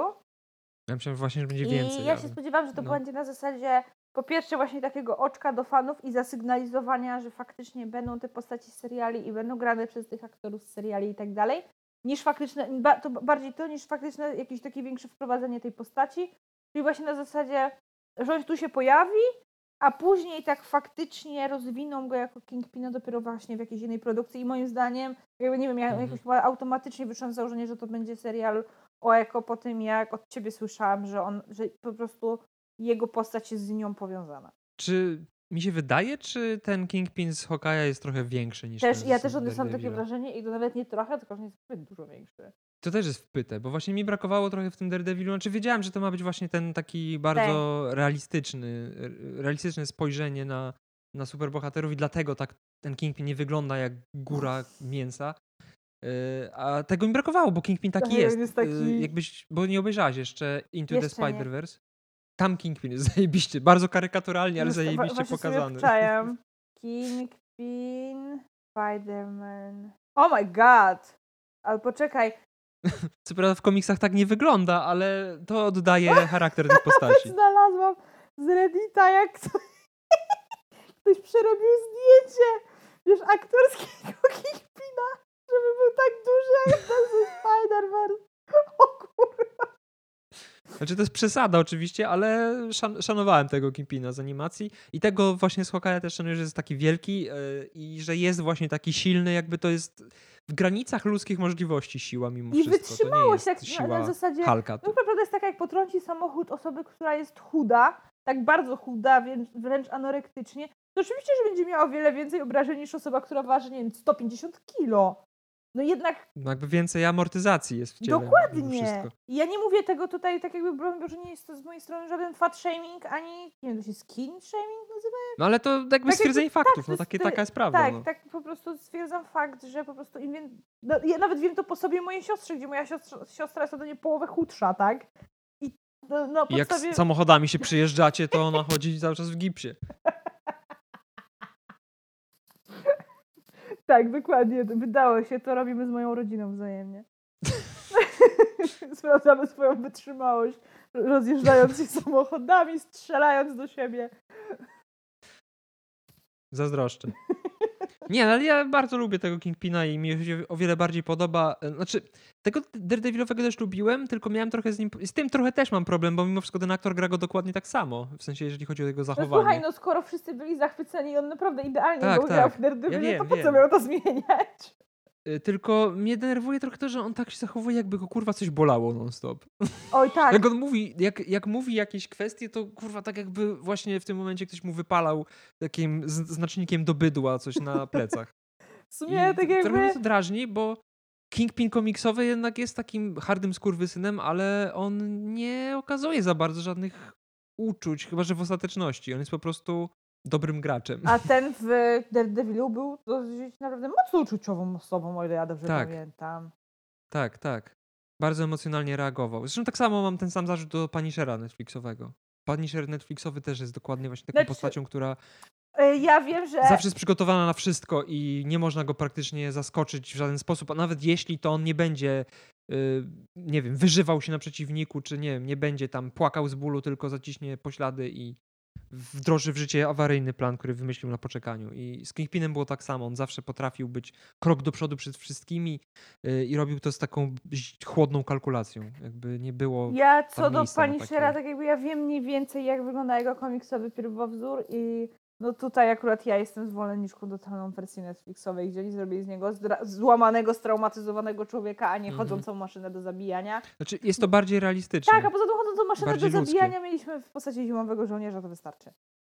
Eee, nie wiem, no dla mnie to była jedna w zasadzie największa siła tej postaci właśnie, ta psychologia, e, ta psychiczna kwestia właśnie Franka i tak dalej. Mhm. I gdzie właśnie paradoksalnie, bo bo tu nie obejrzałeś serialu do końca, tak? Ale on pod koniec, w ostatnim odcinku moim zdaniem właśnie staje się trochę taki bardzo jak ten komiksowy. Mhm. Y, I to jest właśnie moment, w którym ja stwierdziłam, że cieszę się. I tak jakby jest rzecz, którą zrobił, właśnie tak jakby wyglądało to jak ten taki komiksowy Frank. Totalnie zero jakichkolwiek emocji, a w zasadzie ta rzecz, którą tutaj zrobił, to była rzecz, tak jakby, która powinna w nim wywołać chyba w całym tym sezonie w ogóle największe emocje. No, Mhm. Po prostu nie chcę ci walić spoilerem, Kiedyś nadrobię. ale i on, on nawet nie. przy tym nie mrugnął. Nic, kompletnie jest zero. I ja po prostu siedziałam i tak, okej, w sensie ja rozumiem z psychologicznego i tak jakby po prostu z kontekstu sytuacji, tak jakby ja to rozumiem, dlaczego on to zrobił. W sensie ja bym tak nie zrobiła, ale rozumiem, dlaczego on to zrobił i tak dalej, ale po prostu właśnie to taka, to, to że on się już zmienił w taką maszynę do zabijania, że w tym, że on był tak bezwzględny i tak bezduszny, że ja stwierdziłam, że mimo, że oczywiście bardzo współczuję mu jako postaci i tak dalej, ja bardzo z tą postacią sympatyzowałam, stwierdziłam wtedy, że cieszę się, że nie będzie trzeciego sezonu, bo ja, ja nie potrafiłabym już z tą postacią sympatyzować. Ja nie potrafiłabym już mu kibicować i tak dalej. Zaczęłam jednak trochę inaczej na Mhm. niego patrzeć. Takie stary, to zabrnęło za daleko. Jesteś maszyną, kurwa, do zabijania, ty nawet już nie jesteś człowiekiem. Sorry. No. Teraz mnie zaciekawiłaś tym Punisherem. Będę musiał w końcu się przełamać i Tylko, wrócić no do razu seriali, mówię, bo że- skończyłem na drugim, na połowie drugiego sezonu Jessica Jones i po prostu kurwa mam traumę. Dru- drugi sezon. się dalej. Drugi sezon Pani Shera niestety cierpi na dokładnie tę samą przypadłość, na którą reszta seriali, czyli jest zbyt przeciągnięty. Więc przygotuj się Mm. na to. Ale no mi się podobał bardzo, więc. No ale wracajmy do Hawkeye'a, bo to Hawkeye'u rozmawiamy, Tak. o Pani Sherze. Teraz sobie uświadomiłem, że jeszcze mam jeden minusik, taki mały, ale dla mnie znaczący. Za mało Lakiego było. Myślałem, że ten piesek będzie, Taką istotniejszą postacią, bo był kurwa na wszystkich plakatach. no, no tylko miał przyciągać słodkością. A no, ale dla mnie to jest kolejna, kolejny powód, dla którego naprawdę kocham Kate. To jak ona uratowała tego pieseczka. Jezu, jakie to było tak, cudowne. to było fajne. Co nawet Jelena jej powiedziała, że szacun za to. Czyli jednak nie jest do końca taką socjopatką. No E. I słówka też była słodka. Z finałowego odcinka. To fakt. To fakt, aczkolwiek, no no, nie wiem, jak tak. Ten pieseczek. A ja się zastanawiałem podczas oglądania e, finału właśnie dlaczego tą sowę tak eksponują, kiedy Clint ją widzi, że o co tu Ale chodzi, czemu że ona tak długo na Że ekranie. będzie miała jakieś znaczenie większe. I ma, okazuje się, że ta sowa naprawdę y, mieszka na choince w Rockefeller Center, tak? To się nazywa? Naprawdę? Rockefeller Plaza?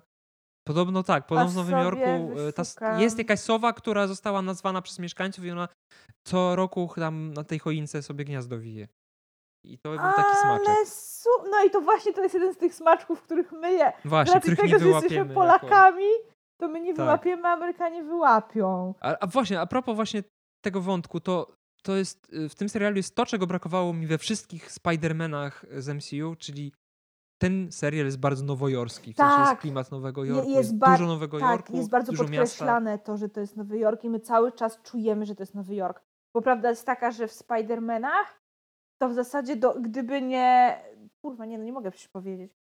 W pewnym momencie w jednym z filmów jest motyw, w którym akcja dzieje się przy Statule Wolności.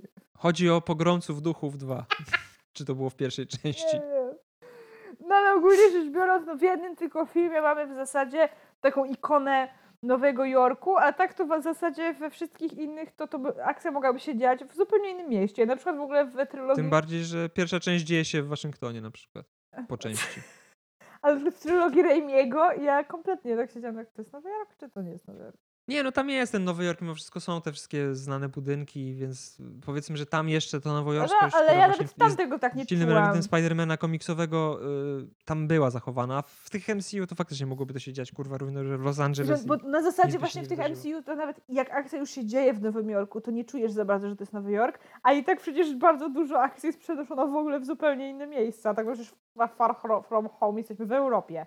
No tak, właśnie. Spider-Man, który został wyciągnięty po prostu ze swojego najczęstszego tak, a, cały, miejsca, w a którym mimo działa. wszystko i tak cały czas powtarza, że Friendly Neighborhood Spider-Man, tak? A we wszystkich No. filmach, w których się pojawia, to jest niewiele w Nowym Jorku. Racja. No bo tak, pojawia się w Civil. War, to to się dzieje w Niemczech.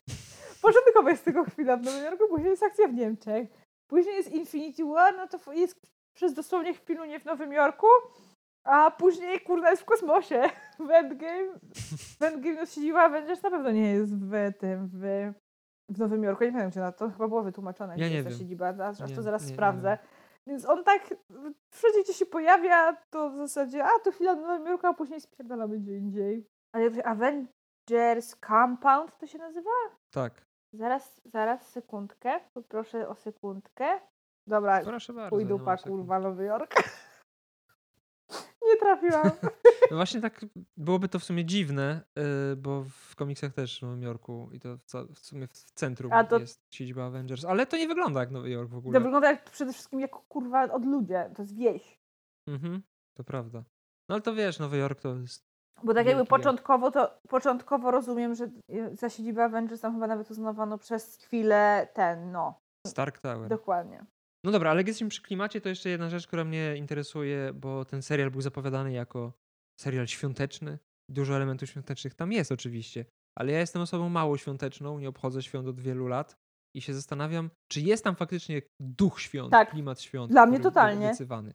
Czy czułaś się, jakbyś oglądała Kevina samego w domu? Nie lubię Kevina, więc nie czułam się, jakbym oglądała Kevina, ale naprawdę czułam się, jakbym oglądała produkcję świąteczną i jest to dla mnie fantastyczne, bo będę mogła do tego serialu sobie wracać w okresie świątecznym. W ogóle to jest zajebiste, bo ja sobie dzięki temu serialowi uświadomiłem, jak bardzo cały duch świąt jest y, kwestią taką psychologiczną na zasadzie voodoo, że, albo hipnozy, że to działa w momencie, kiedy chcesz, żeby działało.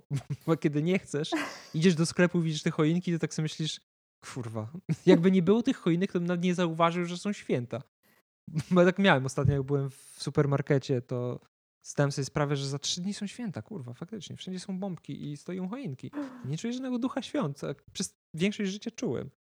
A to, No, to ja, ja czuję, ja czuję i na, w serialu też naprawdę. A, a właśnie tak jakby ja jestem bardzo wyczulona na to w filmach i serialach. Bo często się zdarza, że produkcja ma być niby świąteczna, a tego w ogóle nie, tego w ogóle nie czuć. Tak samo jak ta den, durna, kurna komedia romantyczna z tego roku świąteczna polska z Karolakiem Korzuchowską i tak dalej. Bez Adamczyka. Bez Piotra Adamczyka. Gdzie tam oni chodzą w tych swetrach świątecznych. Tam są choinki, są światełka i tak dalej, a to w ogóle kompletnie nie jest dla mnie film świąteczny. Tak kompletnie nie czuć ducha świąt. A za to Hałkaj, proszę, pięknie, idolo. Naprawdę bardzo jest dla mnie świąteczny. I jest super. No bo są nawet przecież polskie, Okej. no przecież polskie, są kolendy, znaczy są piosenki świąteczne, jest polska Polska kolenda. Jest, jest, właśnie polska kolenda. Nie wiem, czy coś jeszcze, czy przechodzimy do mojej ulubionej, mojego ulubionego segmentu easter eggi komiksowe. Dawaj easter eggi komiksowe. Nie będzie ich dużo, bo w sumie często o tym wspominałem podczas tego odcinka już wcześniej. No, Fraction i A- Aha, chyba tak się czyta tego pana, jest najsilniejszą inspiracją do tego serialu i tam naprawdę od takich dużych wątków fabularnych po szczegóły w pokroju samochodu, którego nie chcieli użyć do pościgu główni bohaterowie, przez bum, strzały bumerangowe. W ogóle, o właśnie, to jest, to mnie ciekawi. Czy dotychczas w filmach Marvela Hawkeye korzystał ze strzał specjalnych, że tak to naz- nazwę? Czy było to jakoś Na zasadzie- podkreślone w jakikolwiek sposób? Wiesz co, na pewno miał tą jedną taką chyba w Avengersach pierwszych, że tak jakby, że ona nie działa po prostu jak zwykła tylko strzała, tylko że on się tam tym zaczepił gdzieś i tak dalej. Mhm, I by, wydaje mi się, że gdzieś były takie, które wybuchały. mhm, Chyba one były w Civil War. okej. Że on strzelał i one jak dolatywały do celu, to wybuchały. Ale nie było takich fikuśnych jak strzała USB albo... Nie. Nie. No właśnie. I to, to, to, to, też mi zawsze tego mi brakowało, bo jednak e, w kom- komiksowy Hawkeye słynie z tego, że ma tych strzał od chuja e, różnych. Dużo bardzo smaczków jest, ale to nie będę się zagłębiał w szczegóły. Ci, którzy czytali, na pewno je, e, na pewno je znaleźli. Ale właśnie a propos tego, o czym mówiliśmy na początku, czyli a propos tego, czy Clint Barton przejdzie na emeryturę, czy nie, to po obejrzeniu tego serialu przyszło mi do głowy, jak patrzyłem w internecie, nie tylko mi, że być może nie do końca, ponieważ istnieje szansa, że West Coast Avengers mogą się pojawić w y, MCU. Pewnie w innej formie niż w komiksach to miało miejsce, przynajmniej ci klasyczni West Coast Avengers, bo mm, jak jest ten dom, w którym się ukrywają Clint i Kate, Mhm. mm, ciotki Kate, to patrząc na wystrój tego domu, można zauważyć, że jej ciotka była aktorką, e, bo jej nazwisko pojawia się na jednym z plakatów, który tam wisi, filmowych. E, I taka postać, dokładnie o tym samym imieniu i nazwisku, pojawia się w komiksach i jest to mm, właśnie była gwiazda Hollywood, która użyczyła West Coast Avengers swoją willę. Więc jakby jest powiązanie z West Coast Avengers, a poza tym w pierwszym odcinku, kiedy Kate strąca ten dzwon, No. to y, jedna z jej koleżanek nazywa się Greer. I Greer Nelson, o ile dobrze pamiętam, y, jest imieniem i nazwiskiem Tigry, która była członkinią West Coast Avengers. Tej mojej, to, to, to ta moja ulubienica była? Kobieta tygrys, tak, Tak. tak. Tak. Więc no nie wiem, czy to jest akurat ta postać, w sensie, czy ta dziewczyna będzie e, w przyszłości superbohaterką, która wygląda jak połączenie kobiety i kota e, dzikiego. Czy to jest tylko taki. Może w ogóle to nie było zamierzone, może to jest moja nadinterpretacja, nie wiem, ale jakby są, są jakieś takie przesłanki, że może to West Coast Avengers w MCU się pojawić. Tym bardziej, że najnowsza odsłona komiksowych West Coast Avengers e, została założona właśnie między innymi przez Kate Bishop, więc być może wcale nie będzie Young Avengers, tylko może podzielą to na jeszcze inne grupy. Nie wiem, no zobaczymy. Albo to jest po prostu chybione, chyb, chybiony trop. Jest też ten wątek y, torebki, którą pożyczają y, Kate i y, Clint od pani, która bierze udział w larpach. No. Pamiętasz? Ona im, im przyniosła strzały od swojej dziewczyny czy żony w torebce, którą bardzo chciała odzyskać. I na tej torebce jest No. napis Bombshell. I to też jest odniesienie do postaci, która pojawiła coś- się w pierwszej solowej serii Hokaja i to była... e, Właśnie ta nazwa mi tak mówię. Co to, co to było? Znam? Znam to. To była właśnie postać, która e, współpracowała z Crossfire'em i z Oddbolem. Mieli za zadanie e, zabić Hokaja chyba, czy Hokaj im chciał przeszkodzić w ich jakimś tam planie skłócenia ze sobą superbohaterów. Więc ona jakby tutaj, to jest to właśnie o czym ty mówiłaś wcześniej przy tym Swordsmanie, że czasami w MCU się pojawia jak tylko jakieś nazwisko, ci, kto mają wiedzieć, będą wiedzieć, a reszta sobie to po prostu zignoruje. I tutaj tak właśnie było, bo nie dość, że jest ten napis Bombshell, to jest jej ksywka w komiksach, to ta postać tej policjantki właśnie nazywa się dokładnie tak samo jak ta postać z komiksów. No i był też taki moment, w którym Kazi był powiedzmy zbliżony do tego, jak wyglądał w komiksie, czyli Nie bawi to, że on odcinku- wygląda kurwa jak Jon Snow. trochę jest podobny. Taki brzydszy Jon Snow. Taki rosyjska wersja. Jon Snow 10 lat w Rosji. Po kumplowaniu się z, Z Jeleną. Amazonczykiem. W każdym razie w finale miał na sobie szary prochowiec i on tak właśnie chodził w komiksach ubrany, więc jakieś tam powiedzmy nawiązanie do tego fajnego oryginału jest. No i to, o czym mówiliśmy wcześniej, te najważniejsze moim zdaniem easter eggi, czyli ten Swordsman i Mockingbird, no i Kingpin, no bo też jest, tutaj jest całymi garściami czerpane, nawet wygląd jego został wzięty z komiksów. y, A to czytałam, że właśnie Vincent się mocno upierał na ten Tak. wygląd. Spider-Man Family Business i tam właśnie Kingpin miał taką koszulę tropikalną, więc to nie jest e, Rudy Schubert ze śpiewających fortepianów, tylko, O Boże, faktycznie! tylko to jest po prostu komiks, e, w którym Kingpin tak wyglądał. No i fajnie też było to, że w tym musicalu Ant-Man się pojawił e, w bitwie o Nowy Jork. Tak, E, ale to jakby- było takie, Boże, mnie, nie wiem, mam wrażenie, że mnie to bardziej wkurwiło niż samego Hawkeye'a. Jakby nawiązanie do tego oryginalnego komiksowego składu Avengers, gdzie właśnie e, Ant-Man był jednym z A członków. faktycznie nie spojrzałam tak na to, bardziej spojrzałam na to jak na właśnie przytyk w stronę ludzi. W sensie tak jakby, że nie, nie, Olanie nie kompletnie doceniają. tego, jak to wyglądało. Tak, że tak jakby ludzie sobie dopowiadają, e, interpretują po swojemu i tak No teoretycznie mógł być, no bo skoro jest taki mały, to w sensie ludzie mogli go nie zauważyć. No niby tak. No i technicznie był. No bo w Endgame Ant-Man był chyba podczas bitwy o Nowy Jork, nie? Jak się tam przenieśli w czasie. Kurwa, faktycznie. Ej! Więc ma to I- większy sens. A właśnie może tak jakby. O kuźwa, ma to sens teraz, faktycznie. Dobra, aż mnie teraz zaskoczył. Nie wziąłam tego pod uwagę kompletnie. On był faktycznie jedynym z tych, co się tak jakby tam cofnęli, którego nie było tam za pierwszym razem. Mhm. No i skorzystał ze swojej mocy, dzięki czemu nie było go widać. E, No, no i to są takie najważniejsze chyba komiksowe odniesienia, tam pewnie o czymś zapomniałem. O postaci Grillsa nie będę chyba mówił, bo być może zrobimy sobie omówienie tego ranu Mata Fractiona i nie chcę spoilerować. Bo ten, ten który Dobrze. ukradł ro- strój Roni, Roninowi, to Mhm. e, jakby pojawił się w komiksach, ale jest zupełnie inną postacią. I jest A, to też ciekawe. fajną postacią, ale lepszą postacią. No i oczywiście też sam, sama postać Rodina, no ale to już jakby jest wiadomo, to Endgame. No i postać e, Mai Lopez, no ale o tym też już chyba mówiliśmy w jednym z odcinków, E, więc nie ma sensu tego powtarzać.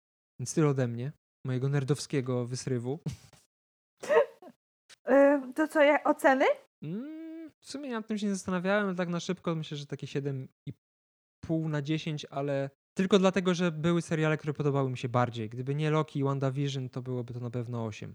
Ale przez to, że ten serial jest taki właśnie w sumie mało wnoszący tak naprawdę, bardziej nastawiony na rozrywkowość, to no nie jestem w stanie zestawić go z WandaVision z Lokim, który, którzy mają ósemki, jeśli nie 8,5. No to ja, o ile dobrze pamiętam, to ja walnęłam w poprzednim odcinku, że 8 na 10, ale tak po przemyśleniu tego, no to WandaVision i ma u mnie 8, więc tak jakby, Mhm.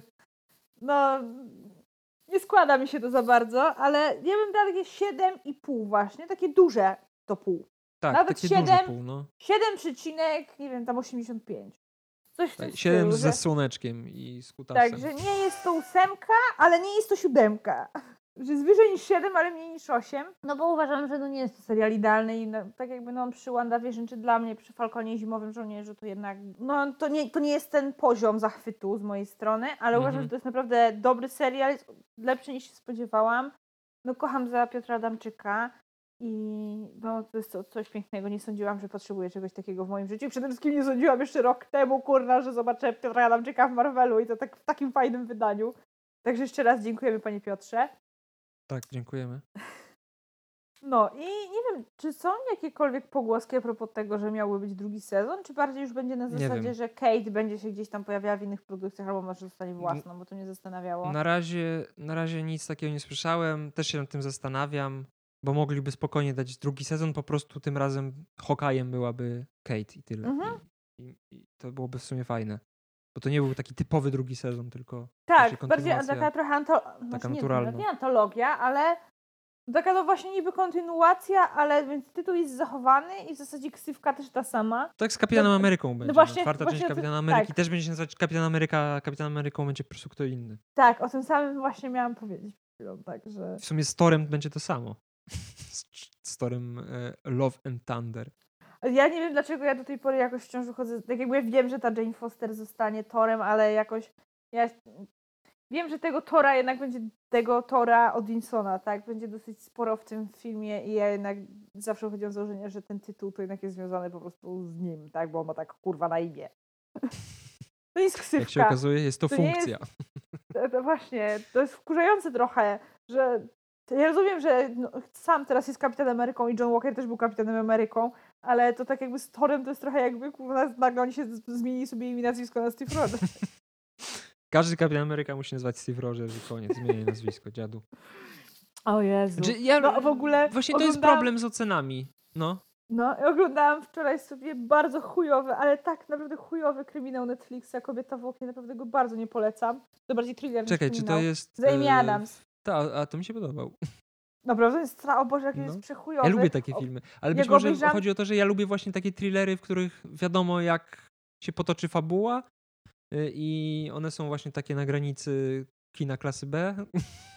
że tutaj podobały mi się fakt faktem takie przede wszystkim z pracy kamery, odniesienia właśnie do Hitchcocka, do tych wszystkich takich starych filmów. E, to, to, to im się całkiem fajnie udało, ale no nie, sama fabuła to ni chuja kurwa. Chociaż zapowiadało się fajnie. No obejrzałam ten film ze względu na Gary'ego Oldmana, no bo obejrzałam sobie wczoraj reunion Harry'ego Pottera i Mhm. oczywiście serduszko urosło, był płacz dziki, o Jezu, było cudownie. Pozdrawiam wszystkich fanów Harry'ego Pottera. No i stwierdziłam, że potrzebuję więcej Gary Goldmana, więc znalazłam to. I oczywiście nie dość, że Gary Goldmana jest w tym filmie mało, też jest chujem. Także brawo Natalia. No ale w tym filmie przecież był i Anthony Mackie i był y, Wyatt Russell, czyli nasz John Walker. Tak, bardzo... tak, tak. Tak się ucieszyłam. Tak się ucieszyłam. Och, my boys. Ogólnie Wyatt Russell w tym filmie jest dużo przystojniejszy niż jako John Walker, ale to tylko tak wtrącę Mhm. swoje babskie wtrącenia. On Wracając tam do ma długie włosy mówiłeś. miał, nie? Może dlatego. Tak, tak. No i lekki zaród, no to też zmienia. kwestia tego. No teraz wracając do tego, co mówiłeś propos, dlaczego problematyczne jest wystawianie ocen. A, no z ocenami ja mam ogólnie problem, bo czasami masz ósemkę i ona nie jest równoważna ósemce, którą się wystawiło innemu serialowi czy Tak, filmowi. tak. Ja jest, zazwyczaj staram się robić tak, że no nie biorę, nie porównuję filmów ze sobą, tak? Typu, nie wiem, daję piątej części Szybkich i Wściekłych 6 na 10, a z drugiej, z drugiej strony w głowie mam, że i jakiemuś tam filmowi, który jest o wiele bardziej ambitny, też dam szóstkę. Mhm. Albo coś w ten deseń, albo nie wiem, jaki jest taki film rozrywkowy, któremu. No albo głupi przykład, tak, no daje Spider-Man, Spider-Man No Way Home 9, a, glata, a Gladiatorowi 8. po prostu. No więc te Jezu, oceny to dla mnie jest Ja- raczej tak. taka... Nie powinno się porównywać, bo tak jakby Tak. trzeba, tak jakby ten film ma być dobry w tym, w czym ma być, tak? Więc trudno porównywać właśnie film rozrywkowy, nie wiem, do jakiegoś poważnego czy artystycznego nawet filmu. Ale jednak właśnie z serialami Marvela mam ten problem, że nie umiem ich nie porównywać, bo tak jakby są to jednak produkcje, które są w tym samym uniwersum. No właśnie to jest ciężkie, bo dlatego też dałem siódemkę, a nie na przykład ósemkę w kategorii Hawkeye. Masz kurwa tutaj ode mnie osiem, no bo jednak to nadal jest serial, który jakby jest powiązany z poprzednimi, no a tamte mi się po prostu bardziej podobały. No, ten, Tak, a nie, się a nie podobał, zrobisz ale- przecież teraz tak, że okej, żeby wystawić Hawkeye'owi 8, to Lokiego zwiększysz na 9, bo no może wychodzić z założenia, sorry, ale na, dziewiąt, właśnie na dziewiątkę to trochę kurwa jednak nie zasługuje też. No właśnie. No i to jest problematyczne. Albo później takie. pojawi się coś, co będzie zasługiwać na dziewiątkę i co? Obniżę? Zmniejszysz. Mimo tego, że był przewidywalny, bo ten Kingpin jakby od początku, zanim w ogóle się zwiastun pojawił, to już krążyły plotki, że się pojawi. Mimo tego, że podejrzewałem, jak ta intryga się potoczy, bo w sumie komiksowa matka Kate Bishop też był, okazała się po, po, po latach, że jest powiązana z mafią. Tam oczywiście jest trochę to inaczej rozegrane niż w serialu, no ale jakby już w tej scenie, kiedy na pogrzebie wiedziałem, jak to się skończy. W sensie, że ona będzie jakby zmuszona faktem, faktem tego, że ojciec zginął, będzie zmuszona wejść w ten świat przestępczy po to, żeby zapewnić Kate jak najlepsze życie. I tak trochę było, no. Więc jakby mimo tych wszystkich rzeczy, które były bardzo przewidywalne, nic mnie tam tak na dobrą sprawę nie zaskoczyło, to mi się kurwa bardzo dobrze podoba, bardzo podobało i bardzo dobrze oglądało, więc z Mi tego też, powodu taki uważam, że ten właśnie- serial jest fajny, no. Właśnie, to jest taki fajny, przyjemny serial. Spełnia przede wszystkim swoje zadanie, no. I czekałem na kolejne odcinki z niecierpliwością i chyba pierwszy raz miałem tak, że oglądałem całkiem na bieżąco, bo z poprzednimi przyznam szczerze, że miałem czasami tak, że musiałem oglądać na przykład trzy z rzędu, bo przegapiłem premierę, w jakim, A to- bo coś tam innego robiłem. To ja tutaj no musiałam nadrabiać, a nadrabiałam też pamiętam Lokiego. Bo faktycznie WandaVision to ja w ogóle czekałam jak, na, jak dziecko na gwiazdkę. Co piątek po prostu wstawałam wcześniej, szyb, żeby szybko robotę skończyć i obejrzeć WandaVision. Z Falconem i Zielonym Żołnierzem początkowo tak miałam, później to, ten entuzjazm jakoś tam trochę osłabł, ale wciąż oglądałam na bieżąco. No z Lokim to... No ja z Lokim mam problem. Chociaż chciałabym nie mieć. Ale nie można mieć wszystkiego. Nie. E, no i Lokiego przecież w pewnym momencie przestałam w ogóle oglądać i dopiero później nadrobiłam, bo stwierdziłam, że no, sorry Natalia, ale i tak przecież musisz to obejrzeć. Ja tak mam z Netflixami właśnie, w sensie z Marvelami Netflixa. I, I trochę też mam tak z filmami DC, które ostatnio znowu próbowałem oglądać. Włączyłem Wonder Woman Nie i pykło? żałowałem. Nie, nie, nie, nie.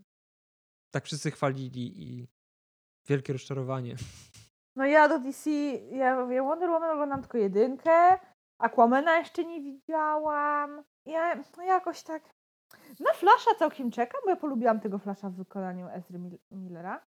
Ja byłam zachwycona, ale to absolutnie zachwycona nowym The Suicide Squad. Ale tak, to ja Znaczy, jednak no- do DC wciąż, wciąż mam podejście Suicide na Squad zasadzie... jest- No. Nowy Suicide Squad jest w pytę, ale ja w sumie już tego filmu nie pamiętam tak naprawdę. W ogóle zapomniałem, że on był w tym roku. Dobrze mi się Ja to oglądało, jak byłem w kinie, ale w tym momencie to tak, no okej. no. On, dla, dla mnie to jest jeden, u mnie, on jest w czołówce filmów superhero. Naprawdę. Ja go ubóstwiam, więc... I ja go właśnie jakoś zadziwiająco bardzo dobrze pamiętam. Lepsze od tego filmu, moim zdaniem, są już chyba tylko Infinity War i Ragnarok. Jest u mnie na trzecim miejscu. Naprawdę? Aż tak? superhero, tak? Tak, on mi się tak spodobał. Że ja lubię patrzeć, jak mordują bohaterów na ekranie, więc...